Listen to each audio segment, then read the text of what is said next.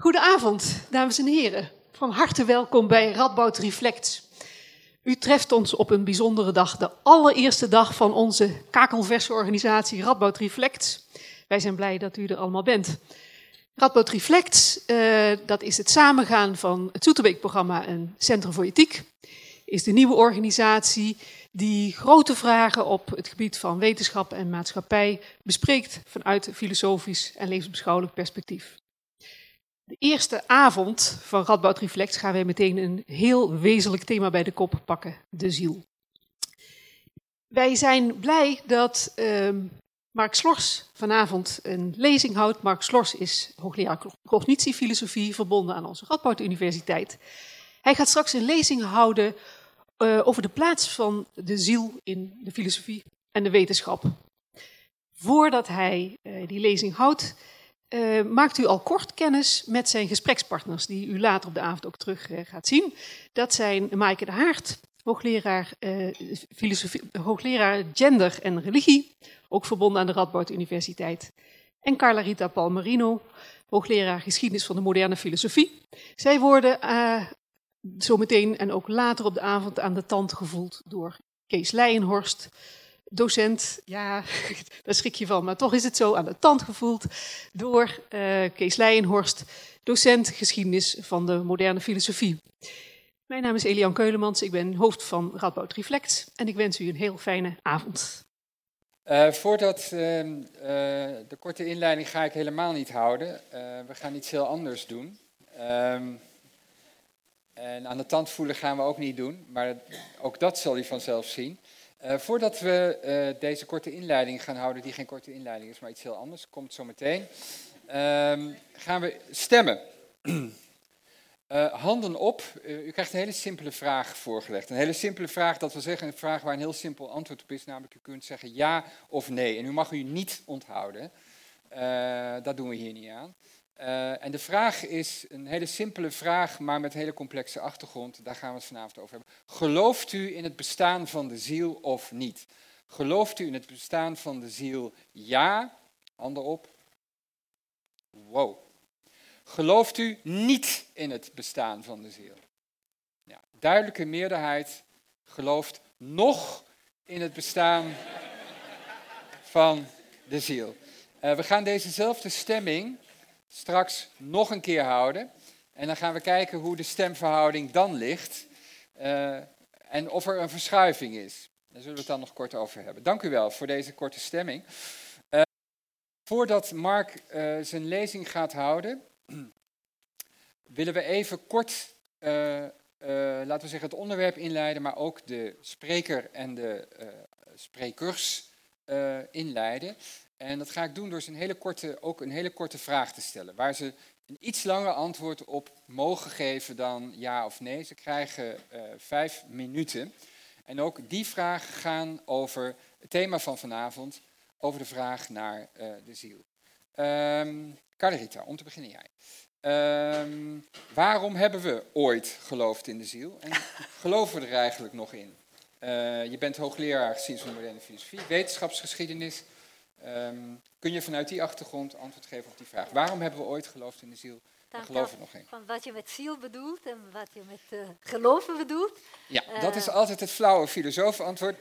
Nu de echte uh, antwoord. Het echte antwoord zou ik zeggen. Dus, als we kijken naar de westerse traditie, zien we wel dus duidelijk een geloof in de ziel. Maar we vinden tegelijkertijd zien we twee zielsopvattingen die eigenlijk tegenstrijdig zijn. Aan de ene kant wordt de ziel beschreven als iets wat eigenlijk dus tijdelijk ons lichaam bewoont en na de dood van de mens het lichaam verlaat om in hogere sferen een bestaan uh, leiden. Aan de andere kant vinden we juist een lichaamsgebonden zielsbegrip. De ziel is dat wat levensfuncties mogelijk maakt. En dat de, deze twee uh, opvattingen niet altijd, uh, dat, som, dat, ze soms met elkaar botsen, begrijpen goed als we dus de opvattingen van Aristoteles vergelijken met die van Plato, zijn leermeester. Plato was, zoals u wellicht weet, een dualist. Die dacht dat de werkelijkheid eigenlijk uit twee, twee domeinen bestond. Dus je hebt de wereld van de ideeën, die onzichtbaar, uh, onveranderlijk en eeuwig zijn. En de uh, zintuigelijke wereld die continu aan verandering onderhevig is.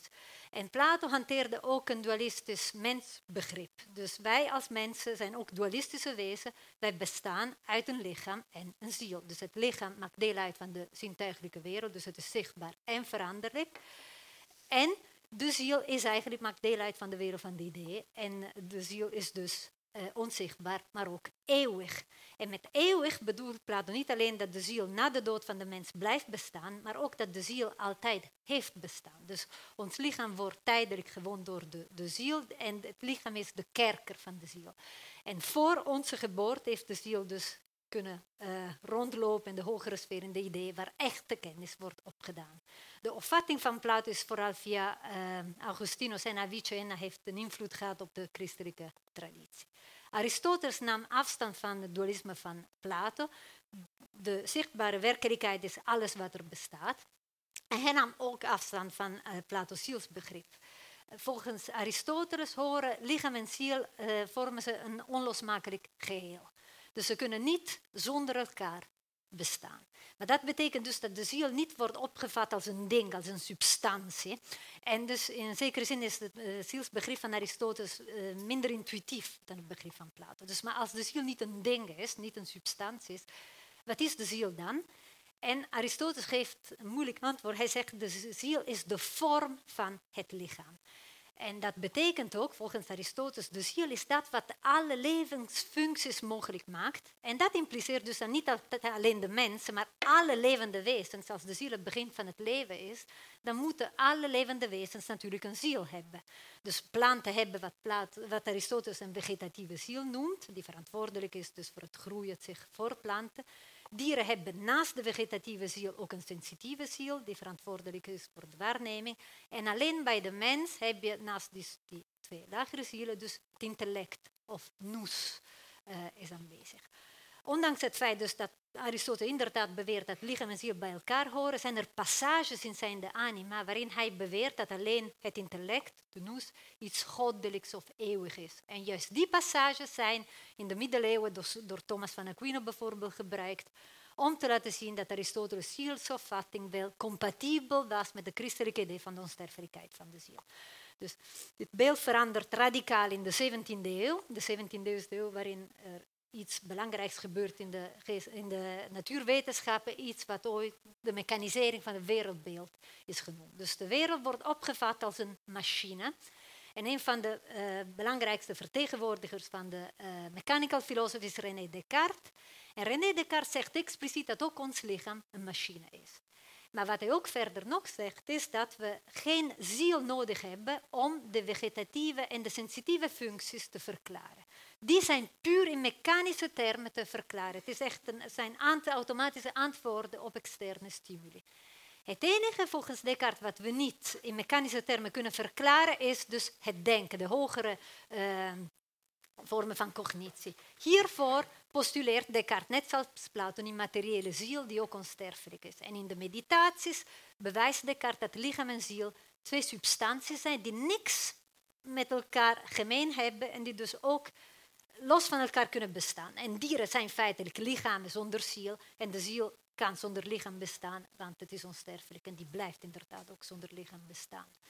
Um, nou, het probleem is op het moment dat je twee substanties hebt die niks met elkaar te maken hebben, hoe kunnen ze op elkaar inwerken? En dit is een vraag waarop Descartes een antwoord had, dat de meeste tijdgenoten niet toereikend vonden. En ik zal natuurlijk hier niet alle mogelijke vroegmoderne antwoorden op het nee, Vooral omdat je nog een minuut hebt. Dus. Twee minuten. en, uh, dus maar en eh, Kant, diegene die een eind maakt aan deze discussie, is de Duitse filosoof Immanuel Kant, die zegt, de ziel laat zich wel denken, maar niet kennen.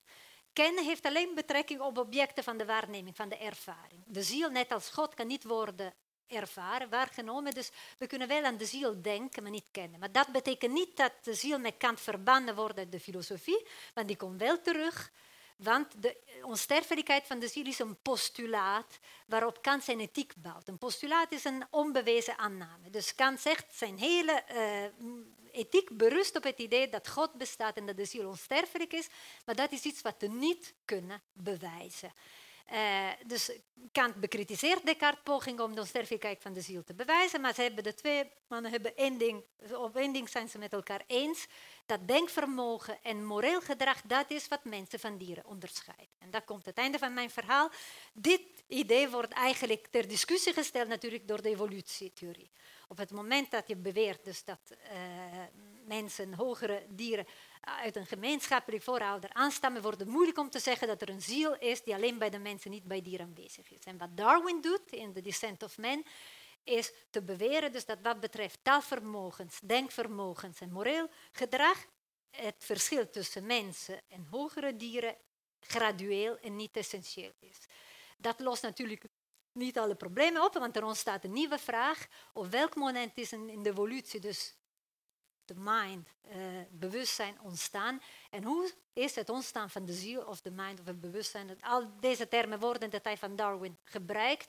Hoe is dat evolutionair te verklaren? En ik denk dat Mark later vandaag ja, dat even gaat verklaren of mogelijke antwoorden gaat zeggen. Dus, uh... dit roept heel veel vragen, maar dit was alleen maar even een antwoord op de vraag. Dankjewel voor de TGV-college Geschiedenis van de Ziel. Uh, uh, Maaike, je bent theoloog. Naïef als ik ben, denk ik, dus jij gelooft in de ziel. Jij gelooft in de ziel? Ik geloof niet in de ziel. Je hebt net tegengestemd? Ik heb net uh, tegengestemd. Ik heb mijn hand niet opgehouden, maar ik had niet tegengestemd. Want ik geloof niet, en dat klinkt misschien wel gek voor een theoloog, maar um, ik geloof niet in de ziel in de platoonse betekenis zoals Carlarita die net heeft uitgelegd. Ik zal dat niet allemaal herhalen, maar wel ik wil wel aantekenen dat die betekenis van die, zeg maar, die scheiding tussen lichaam en ziel in de theologie, in de theologiegeschiedenis, hele grote invloed heeft gehad. En voor de meeste mensen eigenlijk nog steeds het beeld van de ziel bepaalt. Zoals iets wat ergens bij de conceptie of bij de geboorte ingefluisterd, ingeademd, uh, door God gegeven, hoe dan ook in de mens eind, zeg maar, indaalt. En op het moment van het sterven, als het ware, dat lichaam weer ontstijgt. En dan opgenomen wordt ergens in een hiernamaals, in een hemel, waar het met alle zielen die ons zijn voorgegaan heel goed toeven is. Dat stuk, dat, dat, dat zielsbegrip, daar kan ik helemaal niet mee uit de voeten. En dat is ook in de theologiegeschiedenis altijd hoogst omstreden geweest. Er is altijd discussie geweest tussen de filosofen in de theologie, of de theologen waren filosofen natuurlijk. En niet voor niets wees Carleriet er al op dat dat in de 14e eeuw, dat 14e eeuw met Thomas, met dat Aristotelische zielsbegrip, als het ware, die lichaam en ziel ook in de theologie weer vast bij elkaar gebracht werd. Totdat, uh, en die eenheid van dat lichaam en ziel uh, gedacht werd. Waardoor het idee van hoe dat nu moest gaan met dat leven na de dood en die onsterfelijkheid wel weer op een nieuwe manier ingewikkeld werd. Maar daar had de christelijke traditie eigenlijk al een hele andere lijn voor in huis. Namelijk in de christelijke geloofsbelijdenis wordt ook wordt niet beleden de onsterfelijkheid van de ziel, maar wordt beleden de opstanding van het lichaam. En dat sluit veel meer aan bij die tweede, meer Aristotelische benadering, waar lichaam en ziel één zijn en waar je de ziel ook niet onafhankelijk van het lichaam kon denken. Maar er was nog een andere reden waarom in die christelijke traditie zo de nadruk werd gelegd op die eenheid en waardoor dat begrip van die ziel zo hoogst problematisch was. En dat kwam eigenlijk pas goed met Luther aan de orde, omdat, en dat zal u misschien verbazen, ziel geen bijbels begrip is. In de Bijbel, in de Hebreeuwse Bijbel en in de christelijke Bijbel komt het begrip ziel zoals we dat kennen helemaal niet voor. Er zijn aanduidingen die wijzen naar zoiets als levensprincipe, levensadem, levensenergie. En in het Eerste Testament, in de Hebreeuwse Bijbel, wordt dat ook duidelijk in verband gebracht met God. Maar het woord ziel komt niet voor. Dus vanaf Luther was, ontstond er een hele stroming in de theologie die zei: ziel, daar doen we niet meer aan. En dat werd, zeg maar, in de, in de halverwege vorige eeuw werd dat ook in de, in de katholieke theologie een veel ingewikkelder begrip. Omdat die, mag dat nog even Kees? Ja, Omdat, um, zeg maar, die Platoonse invloed wel heel groot was. Mm. En in, het, zeg maar, in allerlei volksgeloof en volksgebruiken uh, eigenlijk de dominante positie was. En ook uh, vanaf halverwege die vorige eeuw niet alleen uh, protestantse theologen, maar ook katholieke theologen zich gingen afvragen of de ziel nou eigenlijk wel het meest geëigende woord was, het meest geëigende concept was, om datgene wat in die christelijke traditie over relatie met God, over eventueel uh, zeg maar leven na de dood tot, uh, tot uitdrukking wordt gebracht, of het begrip ziel daar wel een goed, goed, goed argument voor was. Zelfs iemand, wil ik toch, vind ik toch nog wel aardig om te zeggen, zelfs iemand als kardinaal Ratzinger, de latere paus Benedictus, toch niet de meest vooruitstrevende theoloog, schreef in, in zijn werken over de eschatologie, misschien moeten we het begrip ziel maar afschaffen om vervolgens te zeggen, maar de traditie van de kerk enzovoort enzovoort, en het toch weer in huis te halen. Maar dat betekent wel dat je vanaf die tijd een hele andere invulling van het begrip ziel krijgt dan uit die dominante traditie waarin die scheiding van lichaam en ziel zo belangrijk werd. Oké, ik ga straks vragen wat dan dat alternatief zou kunnen zijn, maar dat doen we niet nu. Mark, moeten we nog in de ziel geloven? Dus. Oh jee. Um, nee, als je het zo zegt, dan vermoed ik dat je daarmee de Platoonse ziel uh, bedoelt. Ik weet niet wat ik bedoel. Nou, laat ik, ik denk dat de meeste mensen dat er uh, daar in je vraag horen. En uh, ik ga zo meteen beweren dat we dat beter niet kunnen doen. En dat, uh, dus Calarita heeft nog ongeveer mijn halve college uh, overgenomen. Dus ik kan, ik rustig, nou, ik heb, ik kan rustig doen over, de, over de tweede helft van mijn college. Nee, maar, maar dan denk ik dat wij de Aristotelische ziel heel serieus kunnen nemen. Mm -hmm. En dat, dat daar wetenschappelijk gezien ontzettend veel interessante vragen liggen. Um, uh, als, je da, als je vindt dat dat. Ja, je wilt natuurlijk ja of nee horen. dan, dan, dan, hou ik het gewoon bij een nee. Maar, nee, het maar is een dan, nee. dan, nog, nog even één klein vervolgvraagje en dan ga je je verhaal houden. Uh, kun je als cognitiefilosoof, zeg maar, heb je street credibility? Kun je. dat heb je, je sowieso niet. Maar door, ja. Jij niet, maar heb je als cognitiefilosoof street credibility als je de term ziel gebruikt? Nee. Nee. Nee. nee, nee, nee, totaal niet. Nee. nee. Het zou wel leuk zijn om te proberen om extreem hip te gaan doen, om dat begrip weer in te gaan voeren. En ik denk, daar valt, ik, misschien wat ik zo meteen ga vertellen, daar, daar, valt wel iets voor te zeggen om dat te doen. Ja. Ja, maar ik, kijk, het probleem is al wat Michael al zegt, want de meeste mensen begrijpen onder ziel gewoon dat Platonische begrip, klaar. Ja. En uh, van dat soort van, van hele vastgeroeste begrippen kom je verschrikkelijk moeilijk af. Oké, okay, daar ga je het ehm, over hebben. Maar 1 september is dus niet alleen de datum van de ingang van Radboud Reflex, maar ook van de revolutie in de cognitiefilosofie. Vanaf nu mogen we toch weer over de ziel spreken. Zo is dat. Want jij gaat het doen. Ja, Oké. Okay. Mark, het woord is aan jou. Dankjewel. Uh, wacht even, dan moet ik het even allemaal, uh, allemaal klaargezet. Hoe, hoe lang heb ik Kees? Oh, Kees! Oké, okay. dan weet ik dat nu. Nou, uh, allereerst hartelijk dank voor de uitnodiging om hier iets te vertellen over Um, de ziel. Ik had de, uh, de, mijn praatje de titel meegegeven, wat moeten we nog met de ziel? Uh, want dat was ongeveer de opdracht die ik kreeg van uh, Radboud Reflect. Van wat moeten we nog... En dat, misschien kan ik het beter gelijk um, iets preciezer zeggen. wat moet de hedendaagse filosofie en de hedendaagse wetenschap nog met de ziel? Dat was een beetje de vraag die mij gesteld werd van kun je daar iets over vertellen? En uh, ja, mijn eerste reactie was eigenlijk al een beetje, uh, uh, nou, die, die bleek eigenlijk al, ook al uit de reactie van, van Calarita en, en, en, en, de inleiding van Kees überhaupt al eigenlijk. Het, het, is, het, is, het is en van Maaike ook. Um, mijn eerste reactie was, nou daar kunnen we niet zoveel mee. En dat, was ook, dat is gebaseerd op het idee dat, dat we onder ziel een soort van Platoons idee begrijpen van iets wat immaterieel is, wat verbonden is met het lichaam, maar wat echt een aparte substantie, een apart ding is. Wat niet wat niet het lichaam zelf is. Toen later ging ik er iets meer over nadenken en ik, ik, ben, uh, ik hou heel erg van het Aristotelische concept van de ziel. Dus dan ga ik zo meteen ga ik dat nog eens een keer. Ik ga gewoon nog eens een keer herhalen wat uh, Calarita aan het begin zei. En toen dacht ik van oké, als we dat, dat concept van de ziel nemen, wat kunnen we daar dan mee in de wetenschap? En ik denk dat we daar eigenlijk heel veel mee kunnen en dat dat heel interessant uh, onderzoek is. En ik denk dat dat onderzoek eigenlijk al gebeurt. Zowel in de filosofie als in de wetenschap. Um, dus daar wil ik een beetje naartoe. Ik wil een paar dingen doen. Ik wil uh, allereerst nog eens een keer herhalen dat verschil tussen de, het Platoonse begrip van de ziel en het Aristotelische uh, begrip van de ziel. Um, ik wil heel duidelijk een case maken voor de Aristotelische conceptie. Dus ik wil uit, uitproberen te leggen waarom dat Platoonse concept van de ziel, of de vervanging daarvan in de hedendaagse wetenschap, en dat klinkt misschien een beetje raar, maar daar gaan we zo meteen iets over vertellen. Ik denk dat het Platoonse begrip van de ziel ook in de materialistische wetenschap van vandaag de dag nog springlevend is. En eh, daar moeten we vanaf.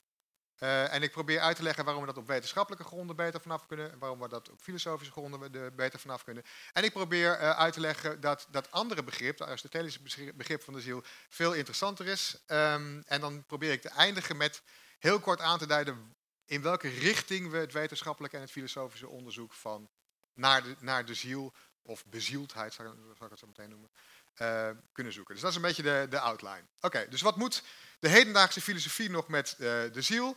Nou ja, het begin, ja, je, Kees vindt het een flauwe filosofentruc. Is het ook, maar hij, is, hij werkt altijd wel ontzettend goed. Wat verstaan we dan onder de ziel? Nou, andere filosofentruc. Um, als je van een bepaald begrip wilt weten wat je ermee bedoelt, dan is het altijd heel instructief om uh, te kijken naar het tegenovergestelde, naar datgene wat het niet is. Hè. Dus in de vrije wildiscussie bijvoorbeeld kan het ontzettend instructief zijn om je eerst af te vragen wat onvrijheid precies betekent. En dan kun je, kun je dan uit afleiden wat we onder vrijheid verstaan. Hetzelfde kunnen we met de ziel doen. Dus um, ik zou willen beginnen met twee contrasten en daaruit die twee begrippen van de ziel uh, uh, opnieuw te halen. Het eerste contrast is de immateriële ziel tegenover het materiële lichaam. En ik denk, dat is de Platoonse ziel, daar kom ik zo meteen bij. Uh, ik denk dat de meeste mensen dat contrast voor ogen hebben als het gaat over de ziel.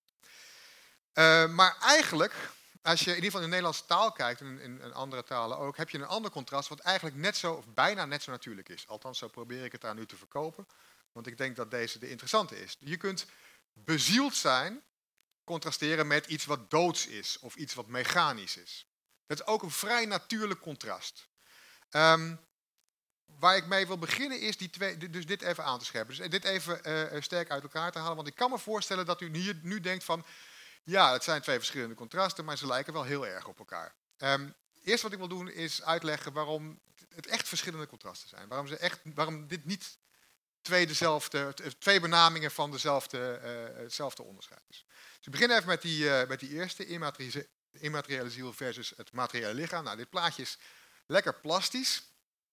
Um, je ziet meteen wat hiermee bedoeld wordt. En ik denk dat heel veel mensen dit voor ogen hebben. Als ik, toen ik nee zei op Kees' vraag, was het een nee tegen dit plaatje. Zo zeg, ik denk niet dat het zo zit. Dus wat je hier ziet is die ziel en dat lichaam, dat zijn echt twee verschillende dingen. Die zitten met een een of ander slangetje aan elkaar vast. Hoe dat precies werkt, nou, daar kan er heel kort iets over gezegd. Dat dat lastig uit te leggen is, maar daar hoeven we niet op in te gaan. En daar ga ik ook vandaag uh, niks over zeggen. Ik denk dat het onderscheid op zichzelf al problematisch is. Um, daar kom ik zo meteen bij. Wat, waar het nu om gaat is, dit is een verschil tussen twee dingen. Twee substanties. In de filosofie betekent substantie zoiets als datgene wat op zichzelf kan bestaan. En dit zijn twee dingen die op zichzelf kunnen bestaan. Het lichaam kan op zichzelf bestaan, de ziel kan op zichzelf bestaan. De ziel kan dood, door, doorgaan na de dood, bestond daarvoor waarschijnlijk ook al. Dat zijn apart zelfbestaande dingen. Dus het is een verschil tussen substanties, een substantieel verschil. Kijk je nou naar dat andere onderscheid, bezield versus mechanistisch, dat is geen substantieel verschil. Dat is niet een verschil tussen twee verschillende dingen, maar je zou kunnen noemen, het is een functioneel verschil. Het is een verschil tussen de manieren waarop wezens of systemen of dingen zich gedragen. En uh, ik heb deze plaatjes er maar bij gehaald, ik vind het wel illustratief. Um, uh, uh, deze, deze mensen zijn verschrikkelijk bezield, dat ziet u natuurlijk. En uh, dit is een mechanisch apparaat. Wat je er niet bij ziet, is de beweging. Maar, uh, en en die, die, is overigens extreem belangrijk. Daar kom ik zo meteen aan het einde van het praatje nog op terug. Die beweging die is extreem belangrijk om iets als bezield te ervaren. Daar kan ik er nu niet uh, bij laten zien. Maar u kunt zich er iets bij voorstellen als deze wezens gaan bewegen. Dat de, de, ene beweegt zich op een mechanische manier. En dat vind je in een doodsmaterieel systeem. En deze uitzinnige dansers die bewegen zich natuurlijk buitengewoon bezield. Um, ik ga meer over dit verschil uh, later vertellen, maar waar het hier om gaat is dat het verschil tussen die, het verschil tussen die twee verschillen, immateriële, uh, immateriële ziel tegenover materieel lichaam, eerste verschil, tweede verschil, bezield versus doods of mechanisch, dat dat niet hetzelfde soort van verschil is. Het ene gaat tussen substanties en de andere gaat, ja, gaat over de manier waarop systemen zich gedragen. Um, ja, dit, dit, is het stuk waar ik uh, vrij snel kan gaan, want mm, Calarita heeft dit gewoon verteld. Dus ik zet het alvast eventjes naast. Um, Plato staat voor mij, uh, ik, doe, ik denk, ik neem eens een keer niet Descartes, want Descartes is altijd een beetje de zondebok hier. Ehm, dus nu is het Plato vandaag. Plato staat voor degene die de ziel als een aparte substantie losdenkt van het lichaam. De ziel bestaat voor de, voor de geboorte en na de dood. En bij Aristoteles is de ziel de vorm van het lichaam. Ik vind het ook heel mooi trouwens als je naar het plaatje kijkt. Dus Arist uh, Plato is de oude man en die wijst naar de hogere sferen. En Aristoteles heeft zoiets van, kom op. Sorry, dat, is, dat, die, dat gebaar is ook echt heel goed als je, als je, als je dat kijkt. En die, zeg maar, die, die houding van Aristoteles als het gaat over de, over de ziel, die, daar, zit, daar, zit iets, daar zit iets goeds in, denk ik. En dat probeer ik in ieder geval te verdedigen hier.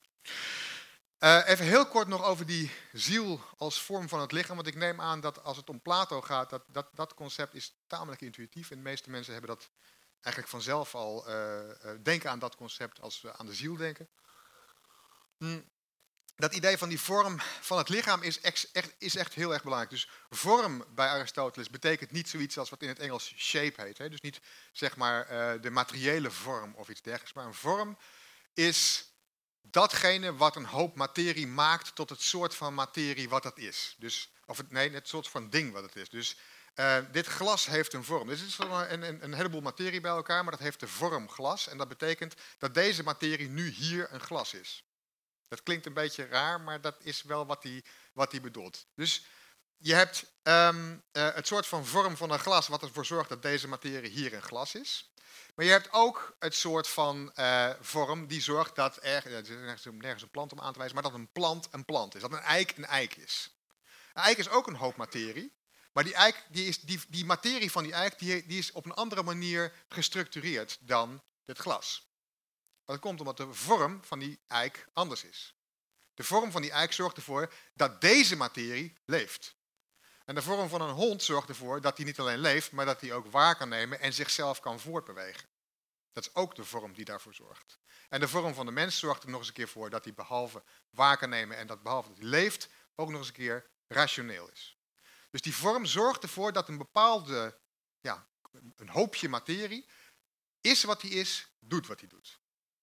Ja? Dus hier, in, dit, in ons geval, zorgt de ziel ervoor dat wij levende wezens zijn. En dat wij kunnen waarnemen, dat we kunnen rondlopen en dat we kunnen nadenken. Dus dat is wat de ziel doet. De ziel is, de ziel is datgene wat maakt dat deze materie op zo'n functionele manier georganiseerd is als wij georganiseerd zijn. Dat is waarom die ziel ook niet losgedacht kan worden van het lichaam. Want je hebt die materie nodig om die functie uit te voeren. Dus even nog terug, dat is een functioneel verschil. Het gaat erom of, kijk, de vorm van die robot, die zorgt ervoor dat het eigenlijk een dood ding is. Althans, daar komen we zo meteen, dat, daar valt een beetje, maar deze wel. Er zijn uitzonderingen, misschien, misschien ook niet. Maar de vorm van ons, die zorgt ervoor dat wij dit soort leuke dingen kunnen doen, wat die robot niet kan. Oké, dat, dat is een, daar, daar zit een, uh, een, een, een klein probleempje, daar komen we aan het einde bij terug. Oké, dus nou terug naar de vraag, wat moet de hedendaagse filosofie en de wetenschap nog met de ziel? Dus we hebben nou twee onderscheiden. Twee concepten van de ziel. één functioneel concept en één substantieel concept. Um, en dan, kun je denk ik, dan heb je eigenlijk twee opties. En optie 1 is dat je, um, dat is eigenlijk de optie die denk ik bijna iedereen in de hedendaagse wetenschap en de hedendaagse filosofie ook neemt. Hm. Dat is dat je ervan uitgaat dat zoiets als een immateriële ziel niet goed past in het wetenschappelijk wereldbeeld maar dat je er een vervanging voor zoekt en die vervanging is het brein. Dus wat je grofweg gaat doen, is dat je het brein gaat zien als de materiële variant van de ziel.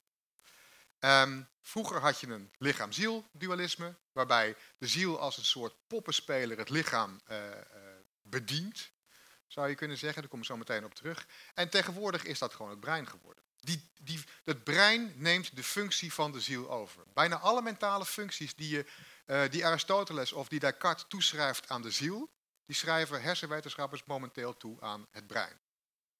Dus dit is een, het, is een, het is een uh, heel duidelijk een soort van, uh, het is een tweede rangs, het is een tweede rangs keuze voor als je in de, in de ziel wil geloven, maar het is, het is een optie om te gaan. Dus wat, en de vraag is, wat moet je doen met de ziel in het hedendaagse wetenschappelijke en filosofische discours? Hè? Dat, dat, dat, dat is waar het over gaat. Nou, dit is één optie. Je, je bandt de immateriële ziel eruit, die, die knikker je uit je wetenschappelijke wereldbeeld en je zegt, ja, maar we hebben wel een materiële variant en die doet eigenlijk precies hetzelfde als de ziel. Bijna hetzelfde. Want leven na de dood is natuurlijk geen optie meer. Dat is één optie. Dat is echt de optie die de meeste mensen uh, accepteren. De meeste wetenschappers gaan eigenlijk van deze, eh, van deze optie uit. Helaas, de meeste filosofen ook. Um, ik denk dat het jammer is en ik probeer zo meteen uit te leggen waarom. Want, uh, oh, ik had er nog een plaatje bij. dit, laat, plaatje laat het op zich heel mooi zien. Hè? Dus je hebt hier Caspar, dat geestje, dat is onze ziel. En je hebt hier het brein. En wat moderne breinwetenschap doet, is eigenlijk de functies van die ziel gewoon in het brein plaatsen. Ik vond het een leuk plaatje. Um, ja, verder niet zo heel erg interessant. Um, uh, en de entertainmentwaarde moet een beetje opgehoogd worden. Tweede optie, met, ook met een leuk plaatje wat er meteen bij staat, dat helpt enorm. Um, benader onze bezieling, en dan, nu heb ik het over dat tweede begrip, dus dat functionele begrip. Benader die bezieling zoals de wetenschap het concept van leven benadert. Even heel kort toelichten voordat ik er zo meteen op terugkom. Um, bij Aristoteles hebben we allereerst dus die vegetatieve ziel, die dus die, die planten en dieren en mensen hebben. En dan heb je de sensitieve ziel en dan heb je de rationele ziel. Um, uh, wetenschap heeft een mooi begrip van leven voor elkaar gekregen. Vroeger dachten we dat leven een apart soort van uh, spul of energie of, of, of eigenschap uh, veronderstelt. Dat blijkt niet nodig te zijn. We blijken een mooie biochemisch verhaal te kunnen houden over wat leven is. Een heel mooi in termen van hoe bepaalde systemen zelforganiserend worden. Hoe ze zichzelf kunnen voortbewegen, hoe ze streven naar allerlei uh, evenwichtstoestanden in zichzelf. Dat is een heel ingewikkeld biochemisch verhaal, een heel mooi verhaal ook hoe dat, hoe dat werkt. Maar we hebben een heel mooi begrip van leven. Als je nou, en dat is een functioneel begrip, hè? Dus, dus het begrip van leven is niet in termen van een een of ander vaag spulletje, dat is in termen van hier hebben we systemen en die doen bepaalde dingen. Dus die, die, zijn, die zijn in staat zichzelf voor te planten. Die zijn in staat zichzelf uh, van voedsel te voorzien. En dat allemaal, allemaal van dat soort functionele eigenschappen. En de vraag is van hoe kan dat nou? En de wetenschap heeft daaruit tegenwoordig een vrij goed antwoord op. We weten min of meer hoe dat, uh, hoe dat werkt. Prachtig antwoord. Als je nou die um, sensitieve ziel en die rationele ziel ziet als een soort van voortbordurend op hetzelfde idee, het is geen dode materie, maar het is levend. En dan kan het ook nog zichzelf bewegen en waarnemen, et cetera, en nadenken. Misschien dat je dan uiteindelijk, we zijn we nog niet, maar misschien dat je dat uiteindelijk een mooi wetenschappelijk verhaal hebt over wat, wat ons tot bezielde wezens maakt en geen dode wezens. Zonder dat je daarbij een immateriële ziel nodig hebt. Dat is de tweede optie. Um, ja, ik, bedoel, ik, ik, heb het ook al gezegd, maar je voelt het al aan. Ik, vond, ik vind deze veel leuker. Um, maar ik wil eerst proberen uit te leggen waarom, uh, waarom die eerste optie, uh, wat mij betreft, niet de weg is die we moeten kiezen. Hm. Die eerste optie is dus een beetje, een beetje de Dick Swaap optie, wij zijn ons brein. Hè. Dus uh, Dick, Dick, Swaap zegt wij zijn ons brein, C.S. Lewis zegt wij zijn onze ziel en wij hebben ons lichaam. Nou ja, je kunt die twee bijna op elkaar leggen en zeggen van oké, wij zijn onze ziel, wij zijn ons brein. Het brein is een soort van de materiële versie van wat vroeger de ziel was. De Platoonse ziel, moet ik bij zeggen. Um, ja, die optie die is helaas buitengewoon populair. Um, ik wil twee problemen ermee noemen. Eentje is denk ik heel intuïtief, heel makkelijk uit te leggen. Die komt uit de, uit de wetenschap. En de tweede is, uh, komt uit de filosofie en die is uh, denk ik moeilijk te verkopen. Ik ga, het, uh, ik ga de, de, komende week weer een college over geven in de eerste en tweede jaar. Uh, en het, wordt altijd, is altijd een lastige kwestie, maar ik ga het ook proberen hier te verkopen. het is namelijk uiteindelijk een goed argument. Maar we komen eerst, eerst even op de, de wetenschappen. Um, kijk, wat je zegt is, we hebben hier hebben we, allerlei mentale begrippen. We hebben het over denken, waarnemen, voelen van emoties, het hebben van intenties. Nou, al, allemaal mentale processen. Vroeger zaten die in de ziel. En tegenwoordig denken we van, nou, die zitten gewoon in de hersens en we gaan ze in termen van hersenprocessen verklaren. Daar zitten ze. Dat zijn de dingetjes die zorgen dat wij doen wat we doen, dat we denken wat we denken. Of hier. Um, punt is, als ze hier zitten, en als ze daadwerkelijk in ons brein zitten, waarom hebben we dan nog die taal nodig? de taal van intenties, begrippen, waarnemingen, uh, emoties. Die, die, hele, die hele mentalistische taal waarin we onszelf begrijpen. Nu kunnen we, dat, nu kunnen we nog zeggen van, nou ja, luister eens. Uh, we weten nog helemaal niet hoe het brein uh, werkt. Ik weet niet of u Damian Denise heeft gezien op de, bij Zomergasten. Die zegt van, ja, we weten hooguit een paar procent. Hij heeft, denk ik, volkomen gelijk. Uh, we weten echt heel erg weinig nog over hoe het brein werkt. Dat ding is namelijk ongelooflijk ingewikkeld. Mm. Dus voorlopig weten we dat nog niet. Maar je kunt je voorstellen dat we steeds meer weten eh, komen te weten over hoe dat brein werkt. En hoe meer je weet over hoe het brein werkt, hoe meer je de vraag kunt stellen, ja, maar kunnen we dan niet beter onszelf beschrijven in termen van breinprocessen? hier, dit vond een leuk plaatje op internet met tekst waarvan ik niet weet of je dat, oh, dat kun je best lezen. Oh, Oké. Nou ja, dan hoef ik het niet voor te lezen, dat helpt. eh, dat helpt. Kijk, ik moet zelf even kijken trouwens wat ze, wat ze daar zegt. Maar ze zegt, eh bit fed up today must be serotonin levels. Dus ik voel me een beetje, eh, ik, ik, ben een beetje uitgezakt vandaag. eh, mijn serotonine levels zijn waarschijnlijk, of niveau is waarschijnlijk eh, laag. Of ze zegt van ik ben een, eh, een, een dopamine verslaafde of iets dergelijks. Hè. Dit is een beetje overtrokken. Maar, en misschien is dat een generatiekwestie. Eh, ik geef bijvoorbeeld ook wel eens college bij cognitieve neurowetenschap. Heel erg overtrokken is dit niet. Mensen gaan zichzelf steeds meer beschrijven in dit soort van termen.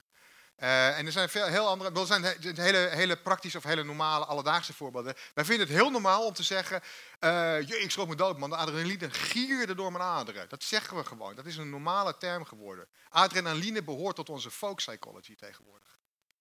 Terwijl dat was niet zo en dat is nu wel zo.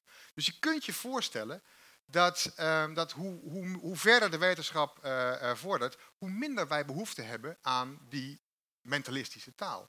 Dus als je voor deze eerste optie gaat, de optie van vertaal de, geef de ziel een soort van materiële versie, maak er een materiële versie van, dan kun je je afvragen van ja, waar- waarom hebben we eigenlijk die zielentaal nog nodig?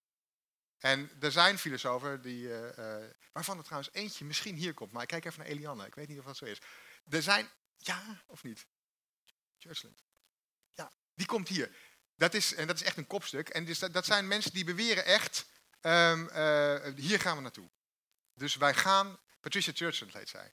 Eh, de, andere, de andere bekende eliminativist, zoals dat heette, dit is Paul Churchland, dat is haar man. Ja, is, dat, is, dat, doet het nooit zo goed als het gaat om, eh, om uit te leggen hoe populair die positie is. Eh, maar het is wel een interessante positie. Dus er zijn mensen die dit soort dingen heel serieus en heel invloedrijk beweren. In ieder geval voor wat betreft één huishouden invloedrijk.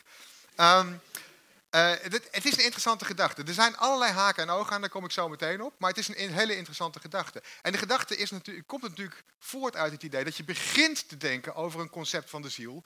ehm, die je eigenlijk al, al wegdoet. Dus je begint met een soort materiële ziel versus materieel lichaam tegenover elkaar te zetten. En dan zeg je vervolgens, oh ja, die immateriële ziel bestaat niet.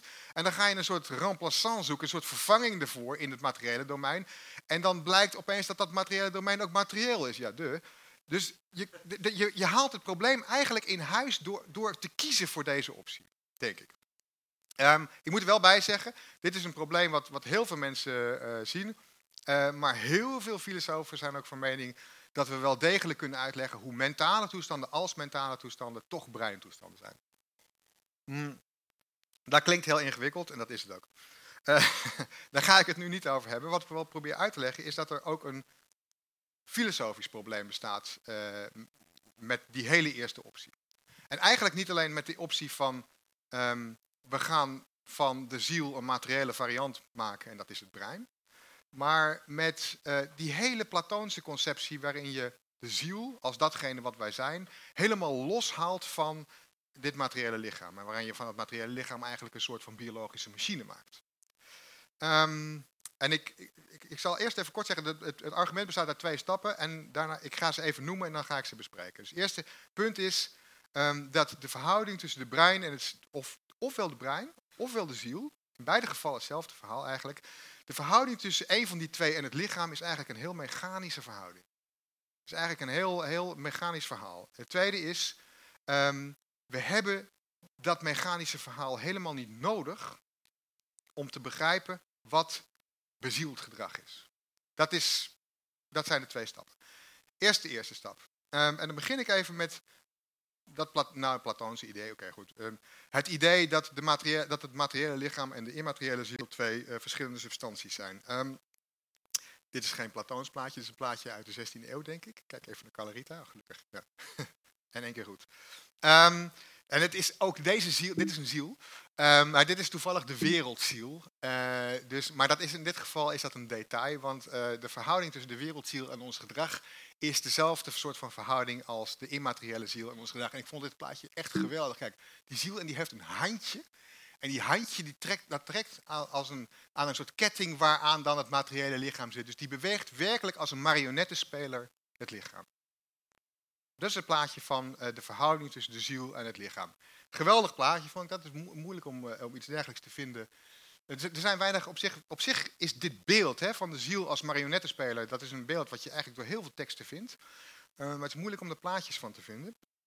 Dus dit is een heel, een heel mooi plaatje, maar ik vond deze ook als een, oeps, als een moderne variant op dit plaatje. Dit, dit is een, een, Amerikaanse organisatie voor bijbelse psychiatrie. Wat ik dan wel heel leuk vind, die moeten dus naar Maaike de Haard luisteren en horen dat in de Bijbel de ziel helemaal niet voorkomt. Uh, maar dit is echt geweldig hoor. Dus, dat is, dus hier heb je, uh, die, die, dit is ook gewoon een biological machine. Robot to the spirit. Hier zo, echt, echt van dik hout. En dan, dus dat is, die, dit is de spirit en die, die beïnvloedt dan het lichaam en de, de, de zintuigen van het lichaam beïnvloeden de, de spirit. En dat brein, ja, dat doet eigenlijk niet, dat is een soort doorgeefluik.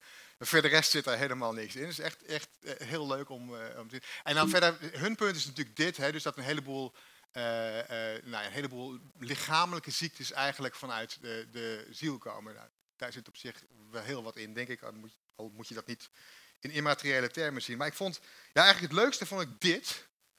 hier, dus die Ex, the, the brain exchanges information like a USB cable between a CPU, central processing unit of so, processing unit, en een printer. Dus wel, hoe mechanisch kun je het je voorstellen? Dus dat is, dat is eigenlijk de boodschap hiervan. Uh, als je denkt in termen van die, die, dat, dat onderscheid tussen een immateriële ziel en een materieel lichaam, dan ben je een behoorlijk mechanisch plaatje aan het verkopen. En dat datzelfde mechanische plaatje vind je dus in uh, in de neurowetenschappen. Dit is een leuk. Uh, de coast in de machine kom ik zo meteen bij. Maar stel je voor dat. Uh, dus, dus als je van het brein de materiële variant maakt van die immateriële ziel, dan krijg je eigenlijk hetzelfde plaatje. Dus dan, ja, ik heb maar dit plaatje erbij gehad. Maar je hebt gewoon het, je hebt gewoon het idee. Dus, dus dit is de Central Processing Unit, zou ik maar zeggen. Oftewel de ziel. En via het zenuwstelsel trekt het als een marionet aan de touwtjes van een biologische machine. Dat is het plaatje. Um, dus dat is de eerste stap. De verhouding tussen de brein of de ziel en het lichaam is eigenlijk een mechanische verhouding. Um, en de tweede stap is dat je, um, dat je kunt inzien, maar dat is een lastigere stap, dat wij die mechanische verklaring voor ons gedrag niet nodig hebben. En dat is een argument. Deze man is Gilbert Ryle, dat is een, uh, een Engelse filosoof en die schreef in 1949 een uh, boek, The Concept of Mind erg invloedrijk, valt heel veel op af te dingen, is heel veel uh, mis mee. Maar hij maakt één heel goed punt, denk ik, wat eigenlijk door de rest van de uh, eh, 20e eeuwse filosofie door blijft werken. En dat is dat hij zegt, dat noemt hij de paramechanische hypothese. Dat is dus wat, het verhaal wat ik net vertel. En de paramechanische hypothese is zoiets als, als wij een onderscheid willen maken tussen gedrag dat we intelligent noemen en gedrag dat we niet intelligent noemen, dan kunnen we dat alleen maar door te zeggen dat intelligent gedrag veroorzaakt wordt dus door de ziel en niet intelligent gedacht, dat is gewoon een soort biologische machine die doet wat hij doet. Dus hij zegt, kijk, wij, wij maken een onderscheid. Wij zien mensen die heel intelligent zich gedragen. Die zijn bijvoorbeeld schaak aan het spelen. Of die vertellen een verhaal. Of die uh, kunnen geweldig uh, rijden op een fiets.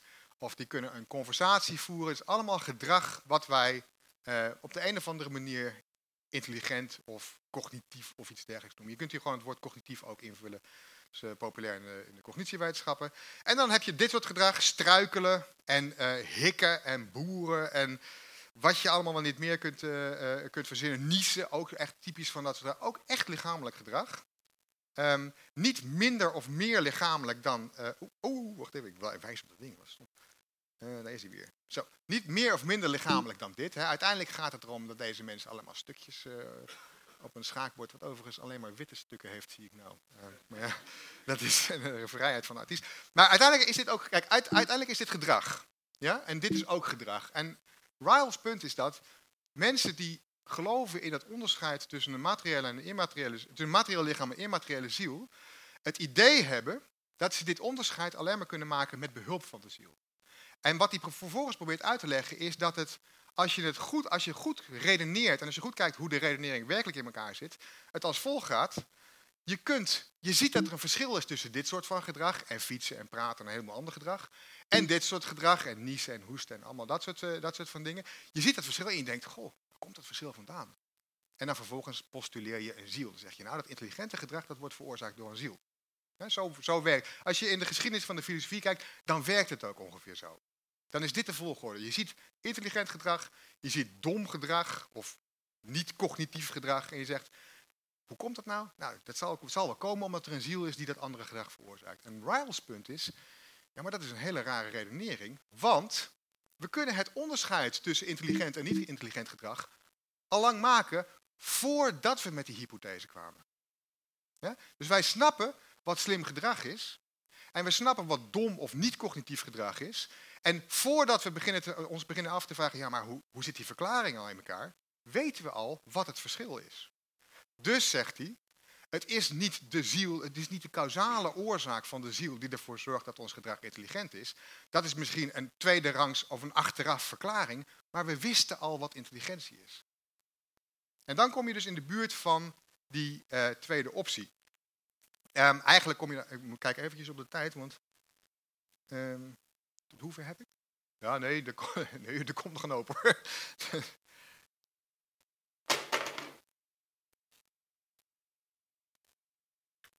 dan ga ik deze mensen even heel, dan ga ik deze even heel snel doen. Dit zijn uh, allemaal uh, beroemde filosofen. Ik noem ze even Ludwig Wittgenstein, Wilfred Sellers, Daniel Dennett en dit is Gilbert Ryle op zijn oude dag. Er zijn een heleboel andere mensen, oude filosofen. En die, die, gaan allemaal, die denken allemaal een beetje dezelfde kant op. Een beetje, een beetje richting Ryle, niet helemaal. Um, allereerst, en dit is superbelangrijk. Het praten over de ziel, of het praten over de mind, of het denken over wat wij denken en voelen en wat voor intenties we hebben, wat voor emoties we hebben. Um, dat, is, dat praten is eigenlijk helemaal niet bedoeld om interne toestanden te beschrijven, ofwel van een ziel ofwel van een brein. Maar het is bedoeld, uh, het is, deze laat ik even wat die is. Dat kost me te veel tijd, dus die laat ik even wat die is. Um, het is bedoeld om een rol te spelen in de sociale praktijk. Hè? Dus um, ik kan zeggen van, oh sorry, ik bedoelde dat, ja, maar nu snap ik dat jij, dat jij denkt dat ik dat en dat bedoel, maar dat bedoelde ik helemaal niet en uh, ik heb misschien wel je gevoelens gekwetst en dat wilde ik helemaal niet. Dat soort van conversaties kunnen wij voeren. Dat is het soort van conversaties waarin wij mentalistische taal of psychologische taal gebruiken. En die taal die drukt dus onze redenen voor handelen uit en daarmee kan het morrelen aan de, de mate waarin we elkaar verantwoordelijk houden voor onze handelingen. Dus als ik zeg van, uh, dus ik, ik, uh, ik, ik, maak per ongeluk in een conversatie een, een of andere hele grove opmerking waarbij ik, uh, zonder dat ik dat bedoel, iemand heel erg kwets. En op een gegeven moment realiseer ik me, oh jij dacht natuurlijk dat, maar ik wilde jou helemaal niet kwetsen. En dat, dus denken, willen, allemaal mentale termen gebruik ik dan. En dat doe ik om onze sociale verhoudingen weer enigszins recht te krijgen. En om ook duidelijk te maken aan zo'n persoon wat mijn werkelijke bedoelingen waren en wat niet. En dat ik geen kwaad in de zin had en dat soort dingen. Dus een heleboel van die die psychologische taal die wij gebruiken, of die zielentaal zou je kunnen zeggen, um, die is niet bedoeld specifiek of louter en alleen om interne toestanden te beschrijven. Die heeft ook heel duidelijk een sociale functie. Oké, dat is wat deze filosofen allemaal um, uh, beweren. Um, dus kort gezegd, vanuit de wetenschap hebben we reden om te denken van, nou, die eerste optie, vertaalde ziel in termen van een materieel brein, is niet meteen de beste. Vanuit de filosofie gezien zeg je eigenlijk, ja, om überhaupt aan die, twee, en eh, die eerste optie te beginnen, moeten we eigenlijk al weten wat bezield gedrag is. Dus kunnen we niet eerst beter daarnaar te kijken. Um, we hebben genoeg redenen om naar de tweede optie te kijken. Dat, er valt meer te zeggen over deze filosofen, maar dat ga ik niet doen, want het kost me te veel tijd. Dus dit is de tweede optie. Um, dan heb je het niet over, dat is natuurlijk een flauwe woordgrap. Opeens, opeens is, het, uh, is, het geen zelfstandig naamwoord meer, maar heb ik het over bezieling. Uh, maar het werkt wel. Um, bezieling is een eigenschap van een levend, rationeel handelend, pratend, sociaal interagerend lichaam. Zo zou je het kunnen zeggen. Dat is een beetje de tweede optie. Um, leven, daar kunnen we redelijk wat mee. En dan is de vraag, ja, maar hoe kunnen we de rest op dezelfde manier gaan verklaren als leven?